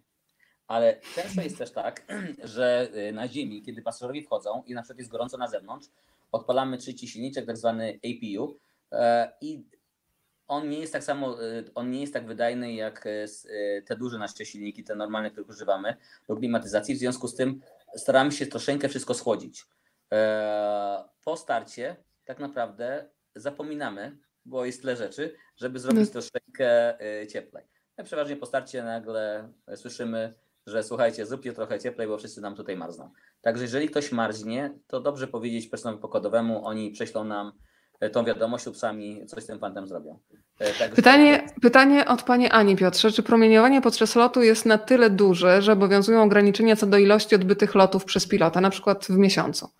Tak, e, my mamy to w skali rocznej mhm. i to też jest brane pod uwagę wysokość, kierunek, bo to oczywiście różna to promieniowanie bardzo się różni nad Atlantykiem, czy gdzieś tam e, bliżej równika. E, I prawdę mówiąc, czym wyżej, tym większe jest promieniowanie. E, I szczerze mówiąc, w zeszłym roku byłem chyba u siebie w firmie najbardziej napromieniowanym pilotem. Zawsze lubiłem latać wysoko, teraz latam niżej w tym roku. Mhm. Tak. Pytanie, e, pytanie, a w zasadzie e, taki postulat od Jasi. Zastanawiam się, dlaczego nikt nie opracował systemu wsiadania i wysiadania, tak aby odbywało się to szybciej. Na ogół w tych codziennych lotach po Europie jest chaos. Ludzie siedzący przy oknie zablokowani zupełnie, ci od wyjścia wyładowują bagaże i przepychają się do drzwi, a wystarczyłoby rzędami. To ja tutaj polecam na przykład też rozwiązania portugalskie w autobusach. Tam wszyscy kulturalnie się ustawiają w kolejce i wchodzą od kierowcy, a u nas faktycznie jest kto wyjdzie pierwszy, chociaż i tak potem wszyscy siedzą i czekają przecież na bagaże. E, to powiem tak, widziałem film na YouTubie i zdarza się, że rzeczywiście jest tak, że osoby pierwsze wstają, wychodzą, mhm. one wyjdą, e, wstają następne osoby i rzeczywiście tak jest. E, czasem się zdarza tak, że ktoś na przykład pędzi, bo szybko ma samolot, drugi Przesiadkowy. Mhm. takiego. Czasem te osoby pomagają, czasem nie. Piotrek, na, Przepraszam, bo na chwilkę się zawiesiłeś, ale już się odwiesiłeś, już lecimy dalej. Okej. Także w niektórych krajach mają rzeczywiście y, pasażerowie jakoś tak między sobą lepiej współgrają, y, czasem nie. Czasem jest na przykład tak, że ktoś leci z małym dzieckiem. No to zanim te wszystkie graty, wiem to z doświadczenia, zbierze i tak dalej, to trochę czasu zajmuje. E, To są jakieś takie opóźnienia. Czasem y, mamy osoby starsze, które potrzebują pomocy, żeby w ogóle zejść z pokładu. To też wszystko trochę czasu zajmuje. Oczywiście one czekają, e, także tak różnie. e, Powiedziałeś hasło dzieci. E, Wiem od pasażerów, no i e, każdy pewnie to, to rozumie. Z jednej strony przeprawa z małym dzieckiem dla rodziców jest bardzo trudna, ale też widzę, obserwuję reakcje pasażerów, którzy widzą, że na przykład wchodzą cztery czy pięć maluchów, no, takich bobasów na pokład i zaczyna się taki churalny płacz. Zastanawiam się, jak wy, czy, czy wśród e, personelu, e, kiedy już jesteście na miejscu, komentujecie, że o, chyba będzie pięć godzin ostrej jazdy, mówiąc wprost, bo to są sytuacje, gdzie bardzo trudno komuś pomóc, a jednocześnie, e, no właśnie, jak pomóc, tak żeby, jak się w ogóle, czy są jakieś procedury sadzania, tak żeby zapewnić komfort zarówno Tak, tym tak. biednym rodzicom, którzy się stresują, jak i pozostałej reszcie. Powiem tak, to wszystko zależy, jak jest dużo ludzi w samolocie. Przeważnie latają fule, Mhm, no tak. żeby rozlokować. Eee, pięć infantów, bo to mówimy infanty, do drugiego roku życia, kiedy te, te Mhm. dzieci mogą e, podróżować na kolanach, e, to jest pikuś. 20, 25. O, przedszkole prawie, żłobek. To, to już się robi naprawdę niezły harmider. Czasem e, taki jest płacz, że my w kokpicie to słyszymy. Ale to żart. A z psami, słuchaj, jak to jest? Bo słyszałam, że jeżeli ktoś ma takie papiery od psychologa czy od psychiatry, już nie, nie pamiętam, że musi mieć psa, który jest jego takim psem asystującym, wyciszającym i właśnie nie ze względu, no nie wiem, na niepełnosprawność jako pies przewodnik, myślę o osobie niewidomej, tylko osobie, która ma na przykład jakieś zaburzenia i ten pies ją wychilloutowuje, że tak powiem bardzo kolokwialnie, to może nawet z psem, który nie waży 10 kg, tylko waży więcej, może wsiąść normalnie na pokład. Jak to jest? To jest w Europie, to te- tego się za bardzo nie robi. W Stanach to jest popularne. Oj, zmartwiłeś mnie. E, to, to było tak popularne, to się nazywa, czekaj, Campos, nie pamiętam jak się to nazywa, ale to ma nazwę, że pani, pani nie tak dawno temu kupiła e, miejsce w, w, w pierwszej klasie dla swojego konika. Właśnie. Co ty mówisz? Tak, konik też poleciał. Były Ale konik był na pokładzie? Tak, konik był na pokładzie i kozy były, i rybki były. I doszli do wniosku jednak, że teraz y, tylko właściwie psy. E, Kiedyś to w ogóle była wolna amerykanka, teraz e, się troszeczkę to w Stanach e, poprawiło, że jednak no nie chcą, żeby konie latały, krowy latały czy, czy świnie, E, bo takie też latają. Takie małe oczywiście wietnamskie, prawda? Oczywiście. Pytanie o najbardziej niesamowite lotnisko świata, jakie udało Ci się zobaczyć. E, Każde lotnisko in, jest inne, każde ma swoje rzeczy. E, Ja pamiętam z małego latania, e, mam takie... O, Mirka nam odnalazła, tak. O, tak, to jest to. Dokładnie. I właśnie to jest droga, tak naprawdę w Stanach to mamy Animal, prawda? Bo tam są różne takie rzeczy. Google oczywiście, wujek Google tam też pomoże pewnie. Ja mam swoje ulubione lotniska, które uwielbiam. Na przykład w Stanach Zjednoczonych pamiętam, lataliśmy taką maleś- malusieńką wyspę, e, mniej więcej godzinę, może półtorej godziny lotu od Nowego Jorku. E, Dwa pasy e, na końcu właśnie tej wyspy, krótkie. Płaziusieńko właściwie na poziomie wody i nikogo dookoła. Wow, to było super. Wychodziło się z samolotu, szło się na, na plażę po kamieniach, bo wszędzie dookoła woda. Lubię właśnie Maderę, bo coś się dzieje. Mi się wydaje, że większość pilotów lubi, kiedy coś się dzieje, żeby nie wiało za bardzo nudą. I właśnie czartery są w tym e, bardzo, bardzo dobre. Może być lotnisko, e, no nie wiem, e, Dubaj, Nowy Jork, olbrzymie lotnisko, Moloch, gdzie cały czas coś się dzieje. I tak naprawdę start, lądowanie nie jest problemem, ale już kołowanie tak. Bym powiedział, że kołowanie jeszcze w złej pogodzie czy w nocy to jest najbardziej stresująca część całej operacji lotniczej. Przynajmniej dla mnie. Nie wiem jak to tam tego. Turbulencja. Znam tego człowieka, który zadaje pytanie z pokoju obok. Ja też, z pozdrowieniami. E, tak, zdarzyło mi się to oglądać. Bo to jest kanał, y, który pokazuje taką codzienną pracę pilota, tak? Po prostu krótkie filmiki od wyjścia z domu do Tak. tego, co się dzieje. Powiem tak, y, y, my mamy trochę gorzej, ponieważ nie wszystkie linie lotnicze coś takiego chcą pokazywać siebie. Kolega lata w obcej linii lotniczej i tak naprawdę im chyba trochę y, nie zależy, czy to będzie pokazane w danym kraju. Gdybym to ja zrobił u siebie w domu, no to mogłoby być gorzej. Tylko dlatego. A rozumiem, że, rozumiem, że też musisz mieć po prostu pozwolenie z góry na pokazywanie no, od środka pewnych tak, sytuacji lotniczych, tak? Nie, nie, chodzi o pozwolenie, po prostu mam powiedziane mhm. nie, tego nie robię. A, no, czyli, czyli nie ma pozwolenia, krótko mówiąc. Pytanie jak Mirek, to musimy najpierw wyjaśnić dla, dla tych, którzy oglądają, bo zdaję sobie sprawę, że nie wszyscy znają Mirka. Kim jest Mirek, Piotrek? Bo to jest taki twój e, adoptowany piesek w pewnym sensie, co? E, tak. E, Mirek latał e, przez pewien czas na pokładzie. E, dostałem go właśnie od ciebie e, podczas naszego spotkania w radiu. Ofotografowany po, latał po świecie z załogami różnymi. Był zawsze w kokpicie. Było go widać przy, właśnie przy wchodzeniu samolotu lub wychodzeniu. Tak, ludzie na to zwracali uwagę. Było parę razy, gdzie pasażerowie pytali, czy Mirek jest na pokładzie. Załogi lubiły się z nim fotografować. Zresztą bardzo z całego świata. No i fajny piesio, no co mogę powiedzieć. A co on teraz lata? Bo ja pamiętam, że Ania go chyba teraz ma Głażewska, prawda? On jeszcze gdzieś lata z wami, czy gdzie on teraz? W czyim domu jest? No nie ma go u mnie, prawdę mówiąc nie wiem, gdzie on teraz jest. Gdzie jest Mirek? To jest tak, pytanie. Tak, jest Mirek, tak, bo ostatnio do tego też miałaś, prawda? Tak, tak, tak. Tak, także tak.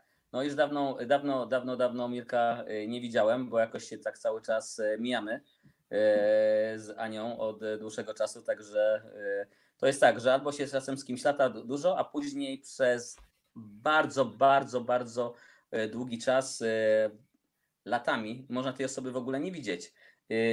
Aczkolwiek nie wiem, jak u Was jest w pracy, ale jeżeli my się widzimy raz do roku, czasem to jest, my się dopiero spotkaliśmy, że dopiero się widzieliśmy, ponieważ e, no tak to u nas, e, u nas e, to bywa właśnie.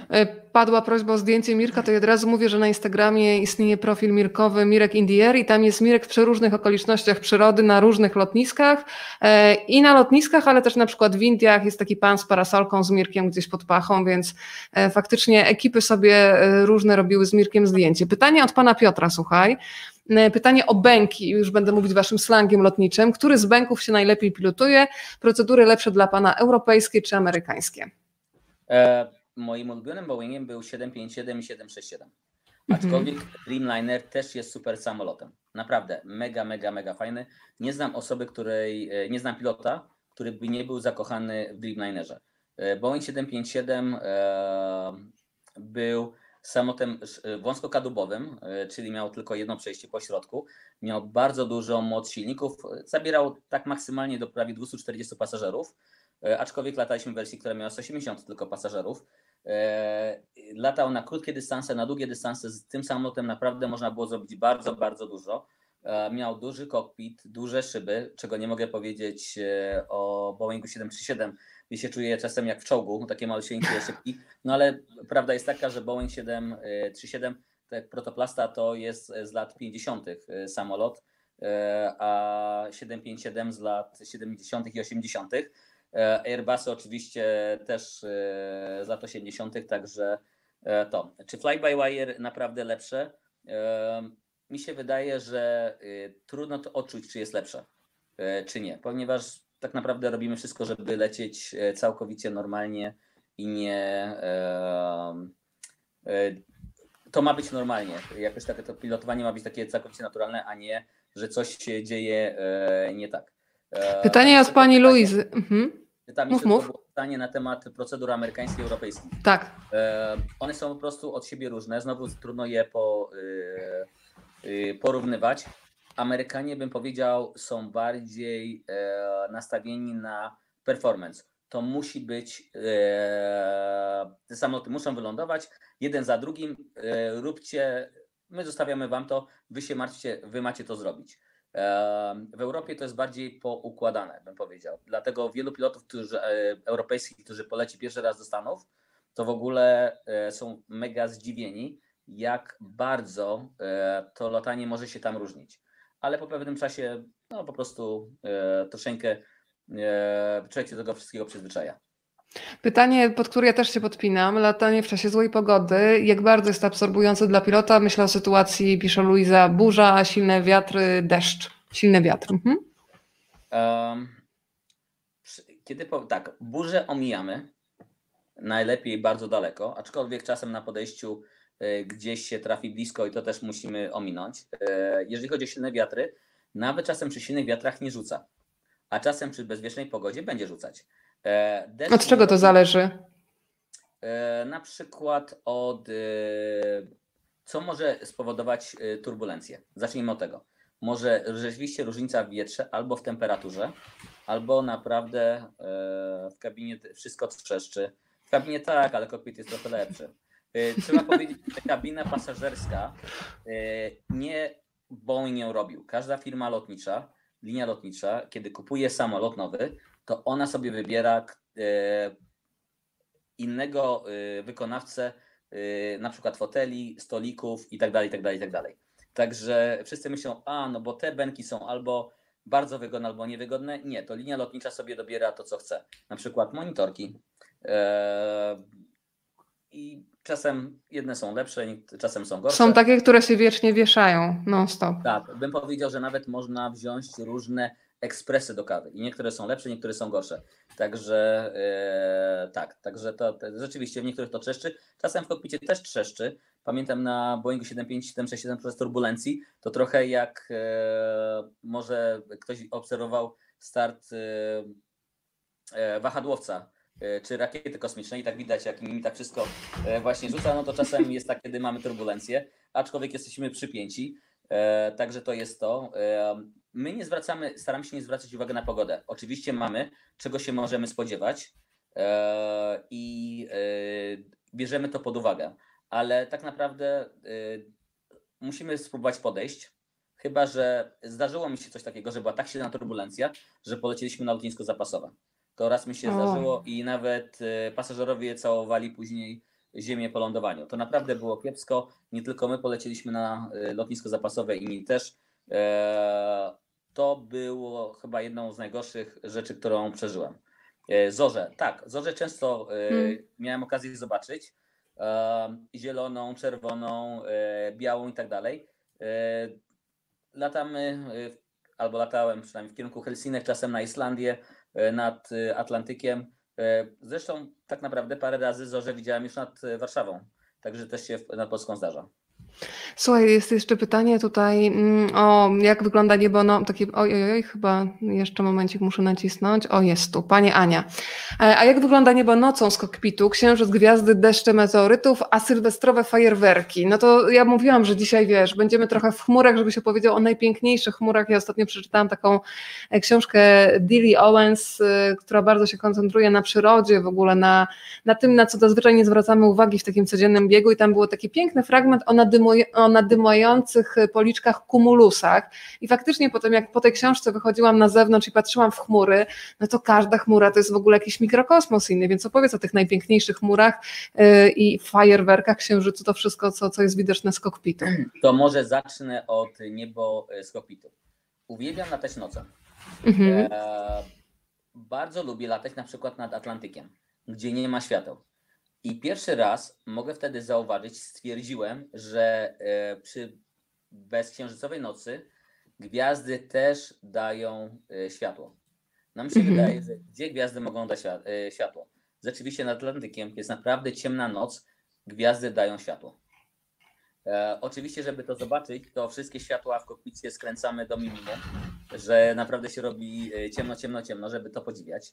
E, księżyc, e, tak jak na przykład e, wczoraj była pełnia, był czasem jest tak jasny, że chciałoby się założyć okulary słoneczne, hmm. ponieważ jest tak. Tylko, że trzeba też pamiętać, że lecimy w kierunku wschodu księżyca, no to on dosyć szybko jest później wysoko, także tego. Kiedy lecimy w kierunku zachodu księżyca, przeważnie nie jest też tak źle, ponieważ za nami staje słońce.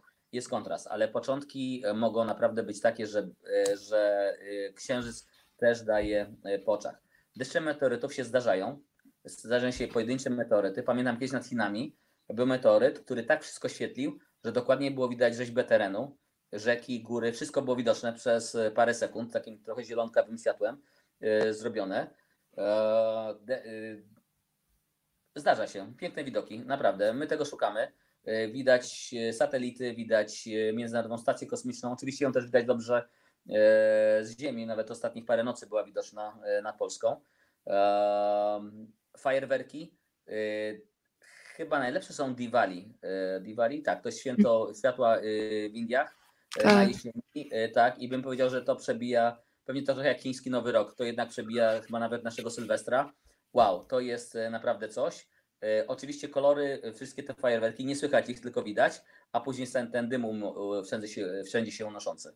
E, Tak naprawdę widzimy te duże fajerwerki, na przykład podczas jakiejś imprezy, z bardzo, bardzo daleka. E, To są takie malusieńkie kulki, gdzieś tam się pojawiają, czasem lepiej, czasem gorzej, ale to widać e, bardzo ładnie.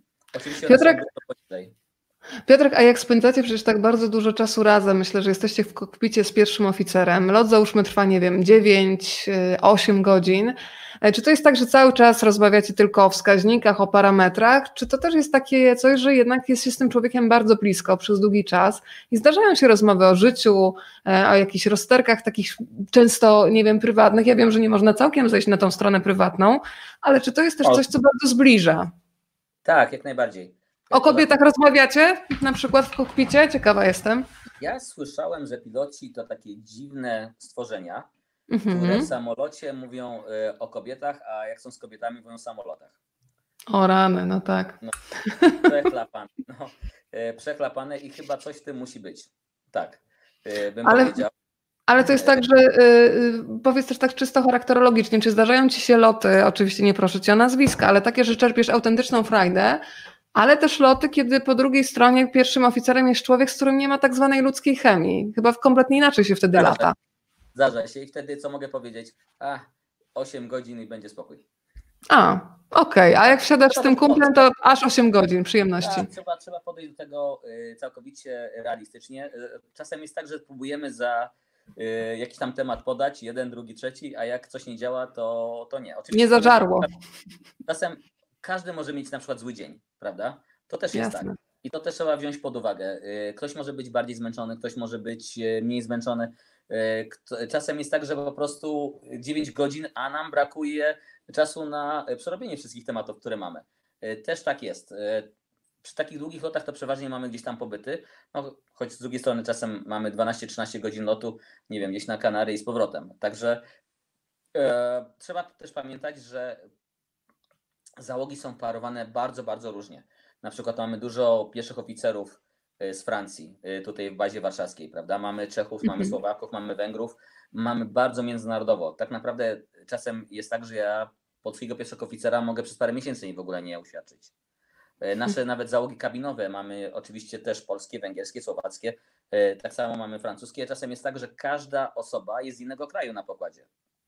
Dobrze, że jako tako po angielsku mówimy, prawda, żeby się dogadać e, i z procedurami, e, ale też tak się e, robi. Ja ci dam jako tako, ja ci dam jako No, tako. jako No, tako, tak po japońsku, ale mi się wydaje, że każdy dąży, żeby e, znaleźć jakiś taki wspólny język jedną rzecz. Jak się znajdzie tą wspólną jedną rzecz, to później jest łatwiej. Czasem jest, a czy znasz, czy słyszałeś, czy widziałeś, a później już jest z górki. E, tak, e, tak trochę. E, Słuchaj, kolejne pytania się jeszcze pojawiały tutaj. Mm, Co pan myśli o lotnictwie po koronie? Chodzi mi głównie o pilotów, którzy są w trakcie szkolenia. Czy warto pomimo kryzysu? Warto. Pan Dawid. E, Warto. E, To minie. W ogóle, jeżeli mogę, to będę mówić po imieniach, ponieważ tak w lotnictwie panów, dobrze, także e, Dawid, jeżeli nie tak, to minie. To, jak powiedziałem, to może być pół roku, to może być rok. E, Dużo linii amerykańskich powiedziało, że one będą mniejsze, kiedy to wszystko minie. Czyli odstawią pewnie troszeczkę samolotów, ale jeżeli będzie popyt na latanie, i- a ludzie wrócą do latania, to znowu będzie tych samolotów więcej. To e, A- tak samo pamiętam 11 września, no to lotnictwo przez pewien czas upadło. Później w 2003 roku e, był SARS. Akurat wtedy latałem w Tajlandii. Też pamiętam, że lataliśmy z Bangkoku do Siem Reap, to Angkor Wat w Kambodży. Mieliśmy Mhm. tam 9 czy 11 lotów dziennie na tej trasie, bo to bardzo popularna destynacja z prostej przyczyny, że nie było drogi. E, Droga była tylko do granicy kambodżańskiej, a później nie było. E, Dlaczego nie było drogi? Bo linia lotnicza nie pozwalała jej wybudować.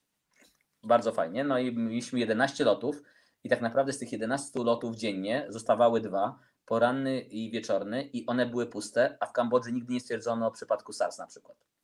Także yy, jakoś to wszystko później po iluś tam miesiącach wróciło do normy. Później był yy, krach z roku 2008. Znowu lotnictwo dostało yy, w tylną część ciała. Średnio się mówi, że każdy pilot będzie bez pracy w swoim życiu trzy razy. Teraz może być nawet cztery albo więcej. Wiem, bo mniej więcej to się zgadza. Tak się patrząc po sobie, ile firm się zamknęło, kiedy w nich pracowałem, to tak to dosyć dużo. Mam nadzieję, że ta moja przeżyje teraz te wszystkie problemy. Dlatego tak, warto. Mimo wszystko warto. Może będziesz miał troszeczkę więcej czasu na dokończenie tych szkoleń, może troszeczkę czasu ci więcej zajmie, żeby się dostać, ale naprawdę warto. Nawet z tymi wszystkimi problemami nic bym, nic bym nie zmienił. Tak jak kolega się zapytał wcześniej, czy bym, Cyprian, czy bym coś zmienił? Nie. Ja miałem wręcz takie szczęście, bym powiedział, że mogłem wszystkiego spróbować. Mhm. To, mi, to mi bardziej pasuje, to mi mniej pasuje. Wszystkiego mogłem spróbować i teraz nie czuję się, że muszę cokolwiek komukolwiek pokazywać, bo ja już to przeżyłem. Dla mnie to jest takie. Było super. Czas zobaczyć coś nowego.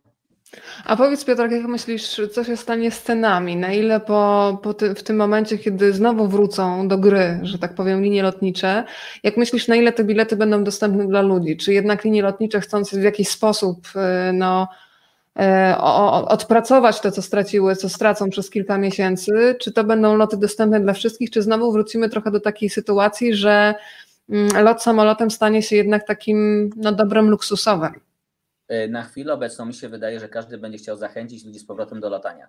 Trzeba mhm. powiedzieć, że się będą bali latać, że ktoś zakaszle czy coś takiego. Tak. E, I tutaj mi się wydaje, że na początku e, po prostu, żeby tego pasażera z powrotem przyzwyczaić, że latanie jest bezpieczne i można się przemieszczać pomiędzy krajami.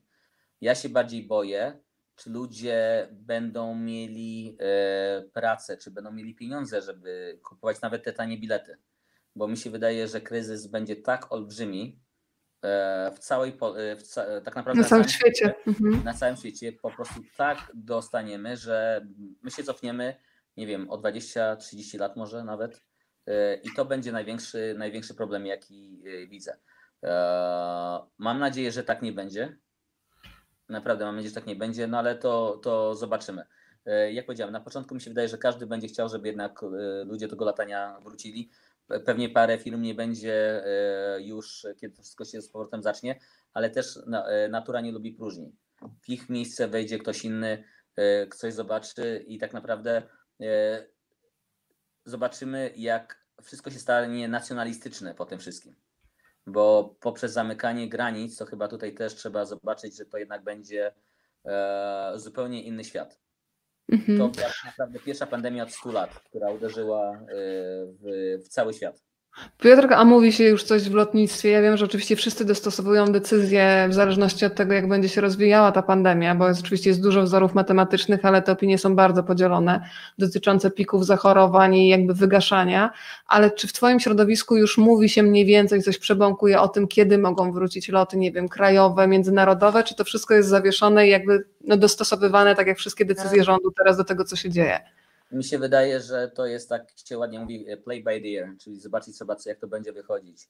Z tego, co mhm. słyszałem, to najbardziej optymistyczne mówią, że może krajówki w czerwcu, zagraniczne może lipiec, sierpień, ale bym powiedział, że trudno powiedzieć. Może jakiś kraj się otworzy, ale nawet jak się otworzy jeden kraj, no to możliwe, że ten nie będzie w stanie latać nigdzie indziej, bo większość krajów innych będzie pozamykana. Tak, nie przejmie. Mhm. Tak, ta globalizacja w tym wypadku jest olbrzymia i to będzie e, naprawdę trudne. E, coś mi się wydaje, że to nie będzie szybko. No, Piotrek, to wracamy. Słyszałem nawet, że takie pesymistyczne rzeczy, że latanie może zacząć wracać dopiero w czwartej, w czwartej części roku, tak ostatnie trzy, trzy miesiące. No to byłoby naprawdę tragiczne. Strasznie długo. Piotrek, to wróćmy do milszych tematów, też żeby nie zamartwiać się na zapas, bo i tak jakby co, to i tak się zdążymy zmartwić, tak. dlatego faktycznie to jest trochę wróżenie z fusów dzisiaj. Pytanie od Piotra, też twojego imiennika. Gdybyś nie był pilotem, to kim mógłbyś, by, kim mógłbyś być? Czy w ogóle był jakiś plan B? I Nigdy czy teraz masz jakiś plan B? Nigdy? Nigdy planu B nie miałem. E, zanim zostałem pilotem, czy nawet będąc pilotem, miałem bardzo dużo e, różnych prac ciekawych. 11 lat się opiekowałem dziećmi. E, pracowałem Co ty mówisz? Tak, byłem, tak, byłem babysitterem. E, I naprawdę to była mega dobrze płatna praca. Jak zobaczyłem, ile zarobiłem pierwszy raz w locie jako pilot, Aha. to popakałem się, bo wiedziałem o ile więcej, więcej, więcej, więcej, więcej, więcej miałem jako babysitter. No żartujesz. No, To ty chyba u jakichś Carringtonów pracowałeś. e, nie, ale po prostu naprawdę. e, To, to powiem tak, rok 96 czy 95 de facto, e, jako babysitter chyba miałem 750 dolarów tygodniowo. Mhm. Mówimy o pracy oczywiście w Stanach, skoro mówisz o dolarach Tak. wtedy, tak? Tak, tak, tak, tak, ale 95 rok. Ten dolar trochę inaczej stał. Także naprawdę to było e, całkiem dobre e, i tak naprawdę to z tego miałem pieniądze na latanie. E, A to skoro pracy. jesteśmy, słuchaj, przy zarobkach dzisiaj, oczywiście nie będę ci zaglądać do kieszeni po konkrety, bo sama bym też nie chciała, żeby ktoś mi zaglądał, ale chodzi mi o takie, wiesz, legendy czasami chodzą, wręcz o bajońskich właśnie zarobkach pilotów. E, Czy na przykład zarobki pilota można, nie wiem, porównać do kogoś, kto jest na wysokim szczeblu w korporacji, e, nie wiem, marketingowej? Czy jest jakiś taki odnośnik? E, Czy, czy to są sumy bajońskie, czy to są sumy, które są w wyobrażeniu laików bajońskie? No właśnie. E, Mi się wydaje, że tak. E, Ktoś inwestuje e, powiedzmy te 250-300 tysięcy złotych Na licencję. tak, a później musi spłacać przeważnie to wszystko. To spłacanie takiej kawalerki trochę czasu zajmuje. A wiadomo, że banki nie dają na 30 lat, oni przeważnie jednak chcą to wcześniej. Także ci młodzi pierwsi oficerowie to naprawdę dobrze nie mają.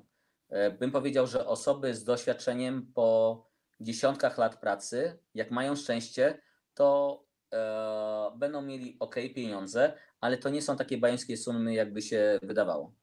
A są, Piotrek, jakieś programy stypendialne? Na przykład myślę o takich ludziach, którzy no, mają y, bardzo duże predyspozycje do bycia pilotem, ale tych 300 tysięcy, o których mówisz, no, jest to dla nich kwota niewyobrażalna. Czy są Jest. jakieś programy, albo czy zdarza się, że linia lotnicza, widząc, że jest taki człowiek, zgadza się zainwestować w niego i potem jakby odciągać to, co on zainwestował z jego wypłaty? Nie wiem. Zastanawiam się, czy jest jakaś opcja dla tych, którzy są zdolni, konsekwentni, ale nie mają po prostu pieniędzy. E, raczej nie. Bywa, Nie. bywało tak, kiedy było y, krucho z pilotami, to były szkoły, nie wiem, KLM czy Lufthansa, czy coś takiego, robili y, nabór i oni ludzi szkolili, ale to też trzeba było podpisać na przykład y, na 5 lat z nimi umowę czy coś takiego, także to nigdy nie było y, tak za darmo.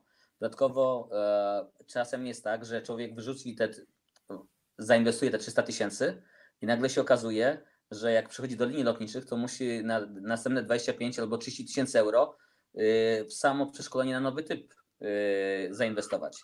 Ale to nie płaci linia lotnicza za to, tylko znowu człowiek musi to wyciągnąć tak sam. płaci. Mówi i mówi dobrze, podpisuj, proszę bardzo, y, papierek, 5 lat musisz z nami latać, y, co miesiąc będziemy tobie zabierać, y, odciągać z, y, z, y, z, z pensji. Y, Mhm. Czasem powiedzą, że nie, sorry, dawaj pieniądze od razu i tak. Także tak naprawdę wszystko zależy od linii, y, od nastawienia. Obawiam się, że teraz to pewnie te dobre czasy się skończyły. Że jednak płać za wszystko, bo firma kiepsko wszędzie, bo musimy jakoś to nadrobić y, to, to, to wszystko. To teraz tracimy. Pytanie od Dagmary. Słuchajcie, mam jeszcze kwadrans, bo i tak już jesteśmy półtorej godziny, ale bardzo się cieszę, że tak wciągająca jest roz, rozmowa, nie dziwię się, bo ja Piotra uwielbiam i cieszę się, że mogę się Piotrem podzielić.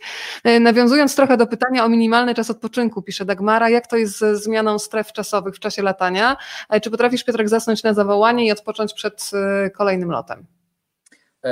Ogólnie mamy coś takiego, że y, poza domem minimalny czas odpoczynku to 10 godzin, y, w warunkach domowych to y, 12. To może być troszeczkę y, zmniejszone, jak- są niektóre warunki y, spełnione. E, Oczywiście to niby powinno być w warunkach hotelowych, ale tak naprawdę to jest bardzo e, trudno, bo tak, nam się liczy czas pracy koniec na pół godziny przeważnie e, po wyłączeniu silników. Ale pół godziny to czasem nawet nie wystarczy, żeby pasażerowie wyszli e, z samolotu, czy są jakieś inne ten. To zanim się dojedzie do hotelu czy do domu, pójdzie się spać. Wiadomo, że się nie pójdzie od razu tak spać. E, Czasem jest ciężko.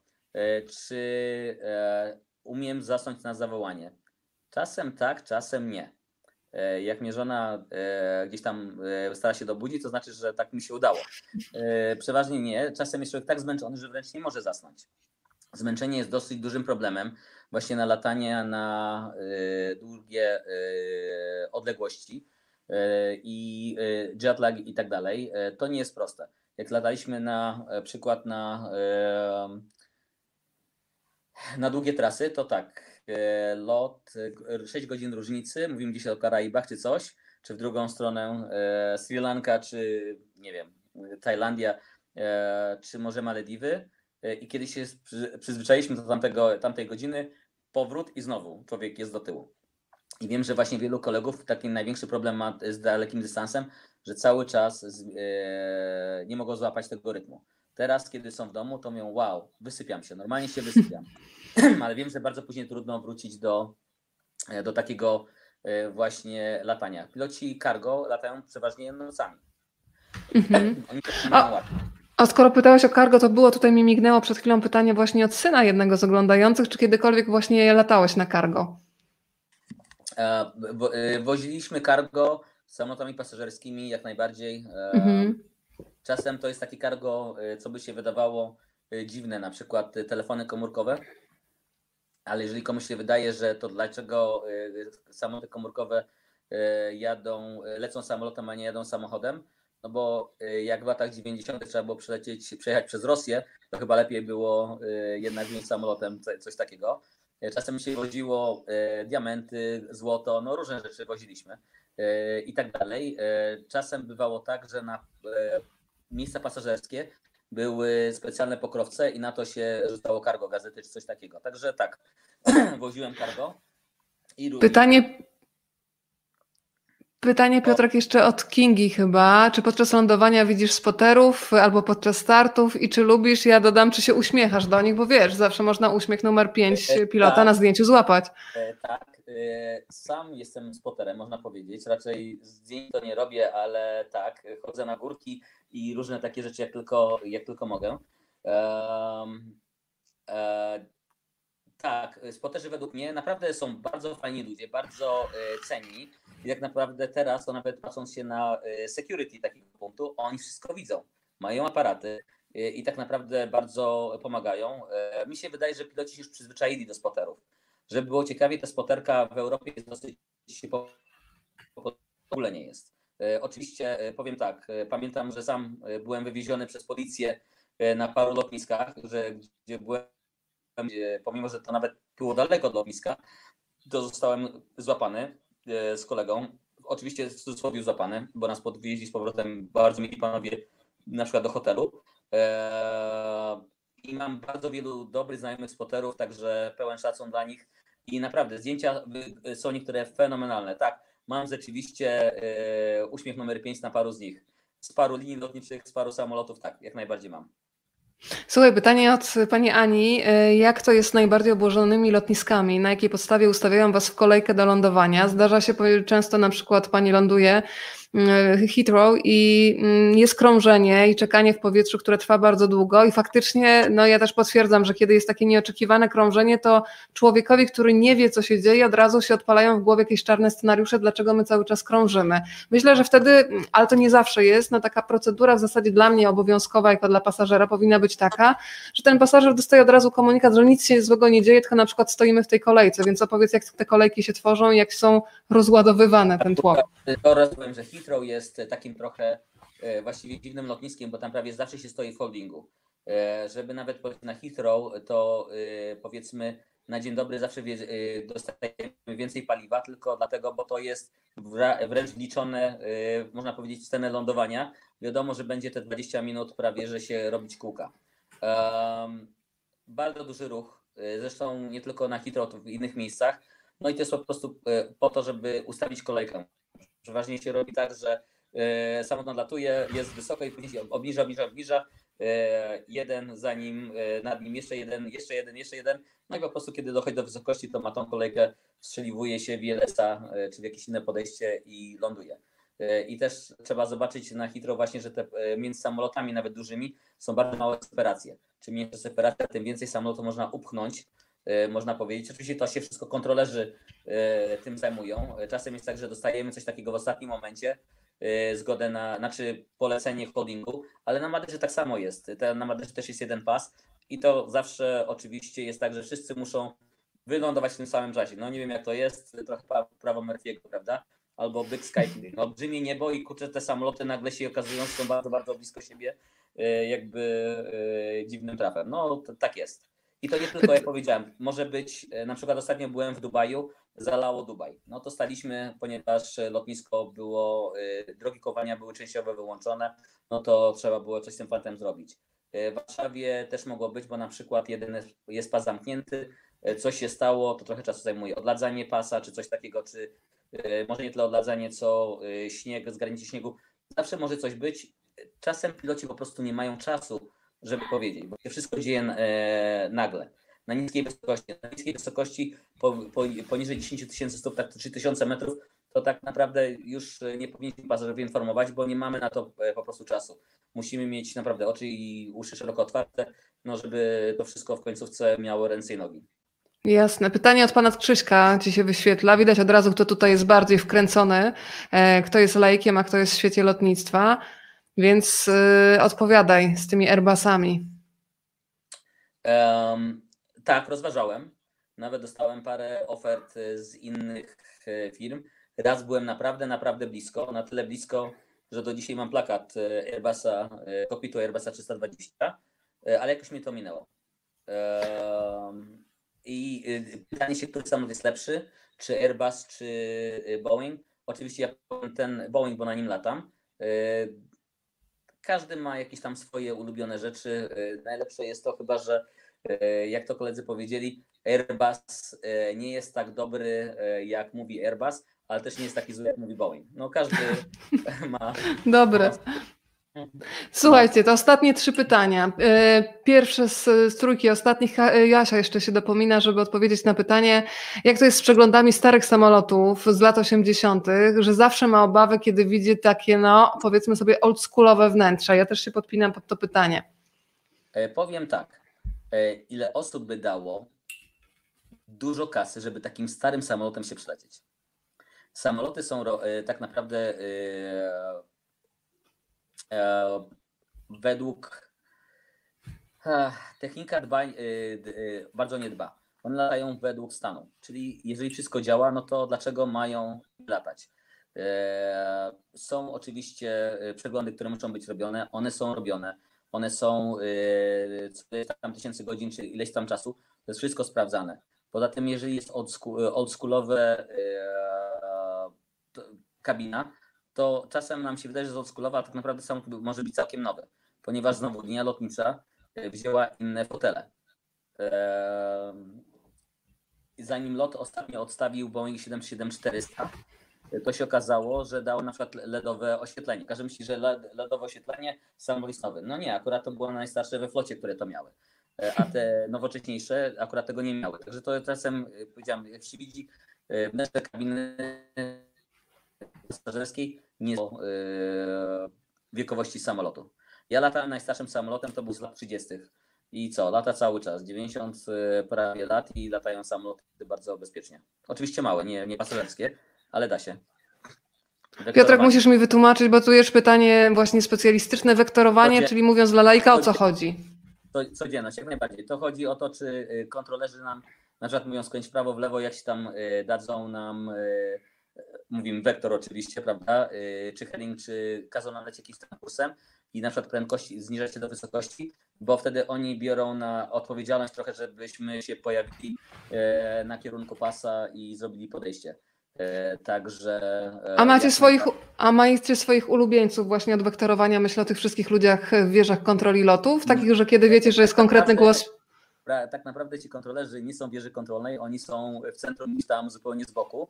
My Okej. po głosie ich rozpozna, e, e, rozpoznajemy. Tak naprawdę my ich znamy bardzo wielu, bo to są też ludzie lotnictwa e, i się przyjaźnimy z nimi. Są naprawdę fenomenalni ludzie i czy na wieży, czy na podejściu, czy, na, czy wyżej. Naprawdę są super, super, super ludzie i kontrolerów wszystkich bardzo, bardzo pozdrawiam i wiem, że na nich mogę liczyć i wiele razy mi bardzo pomogli. Piotrek, y, pytanie y, bardzo konkretne. Jakimi samolotami lepiej nie latać? Czy w ogóle takie są? E, Szczerze, szczerze. nigdy nie widziałem samolotu, którego bym nie polubił. Okej, Czy śmigłowca, czy cokolwiek innego. Ja je wszystkie lubię. E, mi się wydaje, że bardziej chodzi może o pilota. E, czy jak to wszystko zrobić. Bo tak naprawdę samolot sam sobie niebezpieczny nie jest. Od stoi, prawda, przed hangarem czy w hangarze, nie rusza się, jest ok. To, to trzeba wziąć tam jednak e, pilota, żeby zobaczył, co, jak to ma wyglądać dalej. Nie ma czegoś takiego, bym powiedział. To pytanie chyba już odpowiadałeś wielokrotnie. O, już, już, już cię zwaniamy do rodziny, bo widzę, że już naprawdę. spokojnie, Nie, na, mogą poczekać. O dzieciaki, Tak. kochane, pozdrawiamy Was bardzo serdecznie tutaj. E, Bardzo, bardzo. Czy e, pytanie oczywiście o to, czy masz czas wolny w czasie pandemii? No tak, Piotrek, jak wszyscy jesteś uziemiony, prawda? Jestem uziemiony, nie ja, wszyscy są uziemieni. E, Widzieliśmy mailami, tak wszystko bardzo podchodziło. Można powiedzieć, że widać było, jak firma się zamyka. Jeszcze robimy jakieś tam firm, y, loty cargo. Moja firma tak naprawdę ma parę linii lotniczych w różnych krajach. Mhm. I, I to widzimy. Na przykład ostatni lot, jaki miałem, to nie Polaków zwoziłem, a wo- zwoziłem e, Francuzów z Wysp Zielonego Przylądka do e, Paryża. E, Prawda? Mhm. Także jak powiedziałem, to tak to, to, tak to różnie bywa. Także tak, wszystko się po, powoli zamyka. To całkiem, może nawet nie tak powoli, tylko nagle. Piotrek, to powiedz, żebyśmy jednak zasypiali z jakimiś dobrymi myślami, obrazami w głowie. Najpiękniejszy lot. Powiedziałeś dzisiaj, że pierwszy raz zasiadłeś za sterami samolotu w 1985 roku, więc wyobrażam sobie, że tych stop klatek przed oczami ty masz mnóstwo, tysiące e, albo i więcej, więc taki najpiękniejszy lot. No właśnie, z jakiego powodu najpiękniejszy? Bo to mógłby być najpiękniejszy lot właśnie za sprawą jakiejś rozmowy z pierwszym oficerem, to mógł być najpiękniejszy lot za sprawą widoków za oknem, E, To mógł być najpiękniejszy lot, bo po raz pierwszy na przykład sprawdziłeś swoje możliwości. Nie wiem, opowiadaj. Nie ma czegoś takiego jednego lotu. Pamiętam, mieliśmy taką e, rozmowę z, pamiętam z kolegami. e, Byłem ja, był Kanadyjczyk i Amerykanin. I właśnie Mhm. trochę jak na tych dowcipach, od razu powiem, można powiedzieć, spotkali się e, e, w kokpicie Polak, Amerykanin i Kana- Kanadyjczyk. Boże, jakie to były czasy, prawda? E, bo Tak. teraz to tego. W każdym razie e, pamiętam, że Kanadyjczyk powiedział, że e, latał na samolotach takich turbośmigłowych, e, bardziej biznesowych, latał dla jednego, z jednej z prowincji i powiedział, że, le, e, że leciał wzdłuż takiego dużego wału burzowego. I po jednej Mhm. stronie olbrzymie burze w zachodzącym słońcu, e, a po prawej stronie e, właśnie piękne, czyste niebo. E, Pilot amerykański był, myśliw, e, był pilotem myśliwskim i opowiadał, jak był na e, szkole, na ćwiczeniach nad, nad Alaską i właśnie pełno tych dziesiątki myśliwców F-15 e, e, ćwiczące walką powietrzną i powiedział, że właśnie jak one się wszędzie po tym niebie rozpryskiwały i w ogóle, że to było to. Ja pamiętam wiele takich rzeczy. Pamiętam też takie same myśliwskie wszędzie nad Grecją. Pamiętam niesamowite podejście w Nepalu do Katmandu, kiedy po lewej stronie już była ciemność. Widać było tylko e, lekko podświetlane góry e, Himalaje e, księżycem, a po drugiej stronie jeszcze było właściwie słońce. I to wszystko przed nami się e, był środek i to było tam. E, Dużo było takich lotów. Oczywiście czasem e, właśnie te rozmowy z innymi ludźmi czy coś takiego e, nie mam takiego jednego, jednego lotu. Yy, Mam ich bardzo, bardzo dużo. I za każdym razem się uśmiecham, jak sobie o nich myślę. To Piotrek, to ja może zakończę w ten sposób, że teraz jesteśmy wszyscy, mamy takie, było takie twarde lądowanie, jesteśmy uziemieni, ale myślę, że najpiękniejsze loty są jeszcze przed nami i tego się będziemy trzymać, tak? E, Tak, tego się będziemy trzymać zawsze. E, Powiem takie może coś mało popularnego na sam koniec.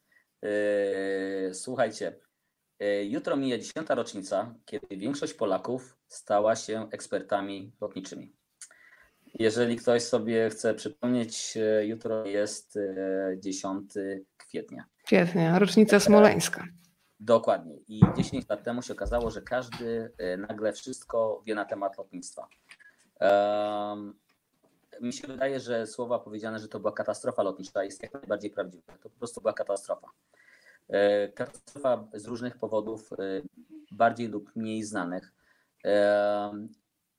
Tak jak mówiłem wcześniej, my mamy specjalne procedury, które starają się wyeliminować wszystkie takie rzeczy. Czasem działają, czasem nie te procedury są nie tylko w lotnictwie, one obowiązują tak naprawdę na całym świecie. ustawodawstwo na przykład, czy coś takiego. E, zbliżają się wybory, e, które mają być. E, nie chcę wchodzić w politykę, bo że Możesz wejść, możesz wejść. Mogę wejść, słuchajcie. e, Rozumiem, że chodzi Ci o to, że są procedury i faktycznie e, wymyślanie teraz, że można pójść do wyborów w tych czasach, no jest szaleństwem, tak? Żebyśmy nie mówili za chwilę o kolejnej katastrofie. Dobrze czytam? Dobrze, dobrze mówisz. Jest to naprawdę szaleństwo.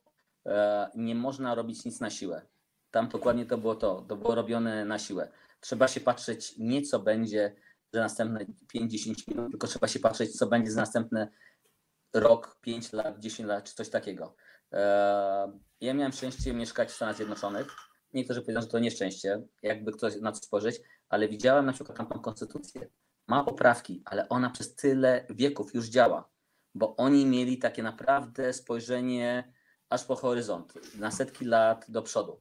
E, e, dzięki i naprawdę bądźmy, myślmy, jak to zrobić, żeby to było bezpieczne dla wszystkich, bo naprawdę nasze państwo przez tyle rzeczy przeszło, kurczę, żeby naprawdę nie było gorzej. Będziemy mieli duże problemy gospodarcze. Cały świat będzie miał te problemy gospodarcze. Nie potrzebujemy takiego problemu, jaki e, wydaje się iść w naszym kierunku. E, Jak powiedziałem, tyle o polityce. e, Jak powiedziałem, katastrofa. Czyli hashtag, hashtag jak najbardziej Piotrek zostań w domu jest aktualny i jesteśmy teraz uziemieni, ale wszystko po to, żeby pięknie się potem za kilka miesięcy być może poderwać do lotu i ty cały czas będę wierzyć w to, bo tego się trzeba trzymać. Trzeba mieć nadzieję gdzieś na horyzoncie, że te najpiękniejsze loty po prostu przed Słuchaj, nami. Według mnie wszystkie najpiękniejsze chwile są zawsze przed nami. E, Ta piosenka Marka Grechuty chyba najbardziej wszystko e, oddaje.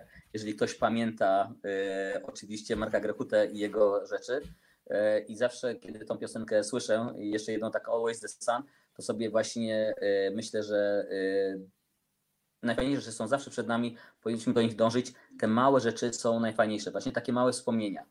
E, Całe życie może być super, ale ono się składa z tych, z tych właśnie takich małych rzeczy. Także e, no e, i tego Państwu życzę.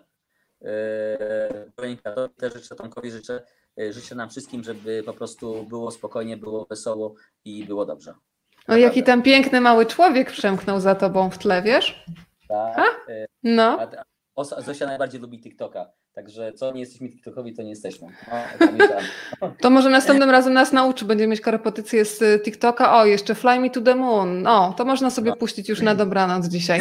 No. Bardzo Ci dziękuję, Piotr. Wysyłam Ci masę dobrego. Muszę Ci powiedzieć, skoro mówisz o tym kolekcjonowaniu drobnych momentów, to ja sobie do magazynu dobrych wspomnień i takiego ładowania akumulatorów zaliczam to spotkanie z Tobą. Bardzo Ci dziękuję i do zobaczenia wkrótce, jak Dzięki, najszybciej. Pozdrawiam wszystkich, dobrego i zobaczenia. No, Do zobaczenia. Dziękuję Ci bardzo. Pa, pa.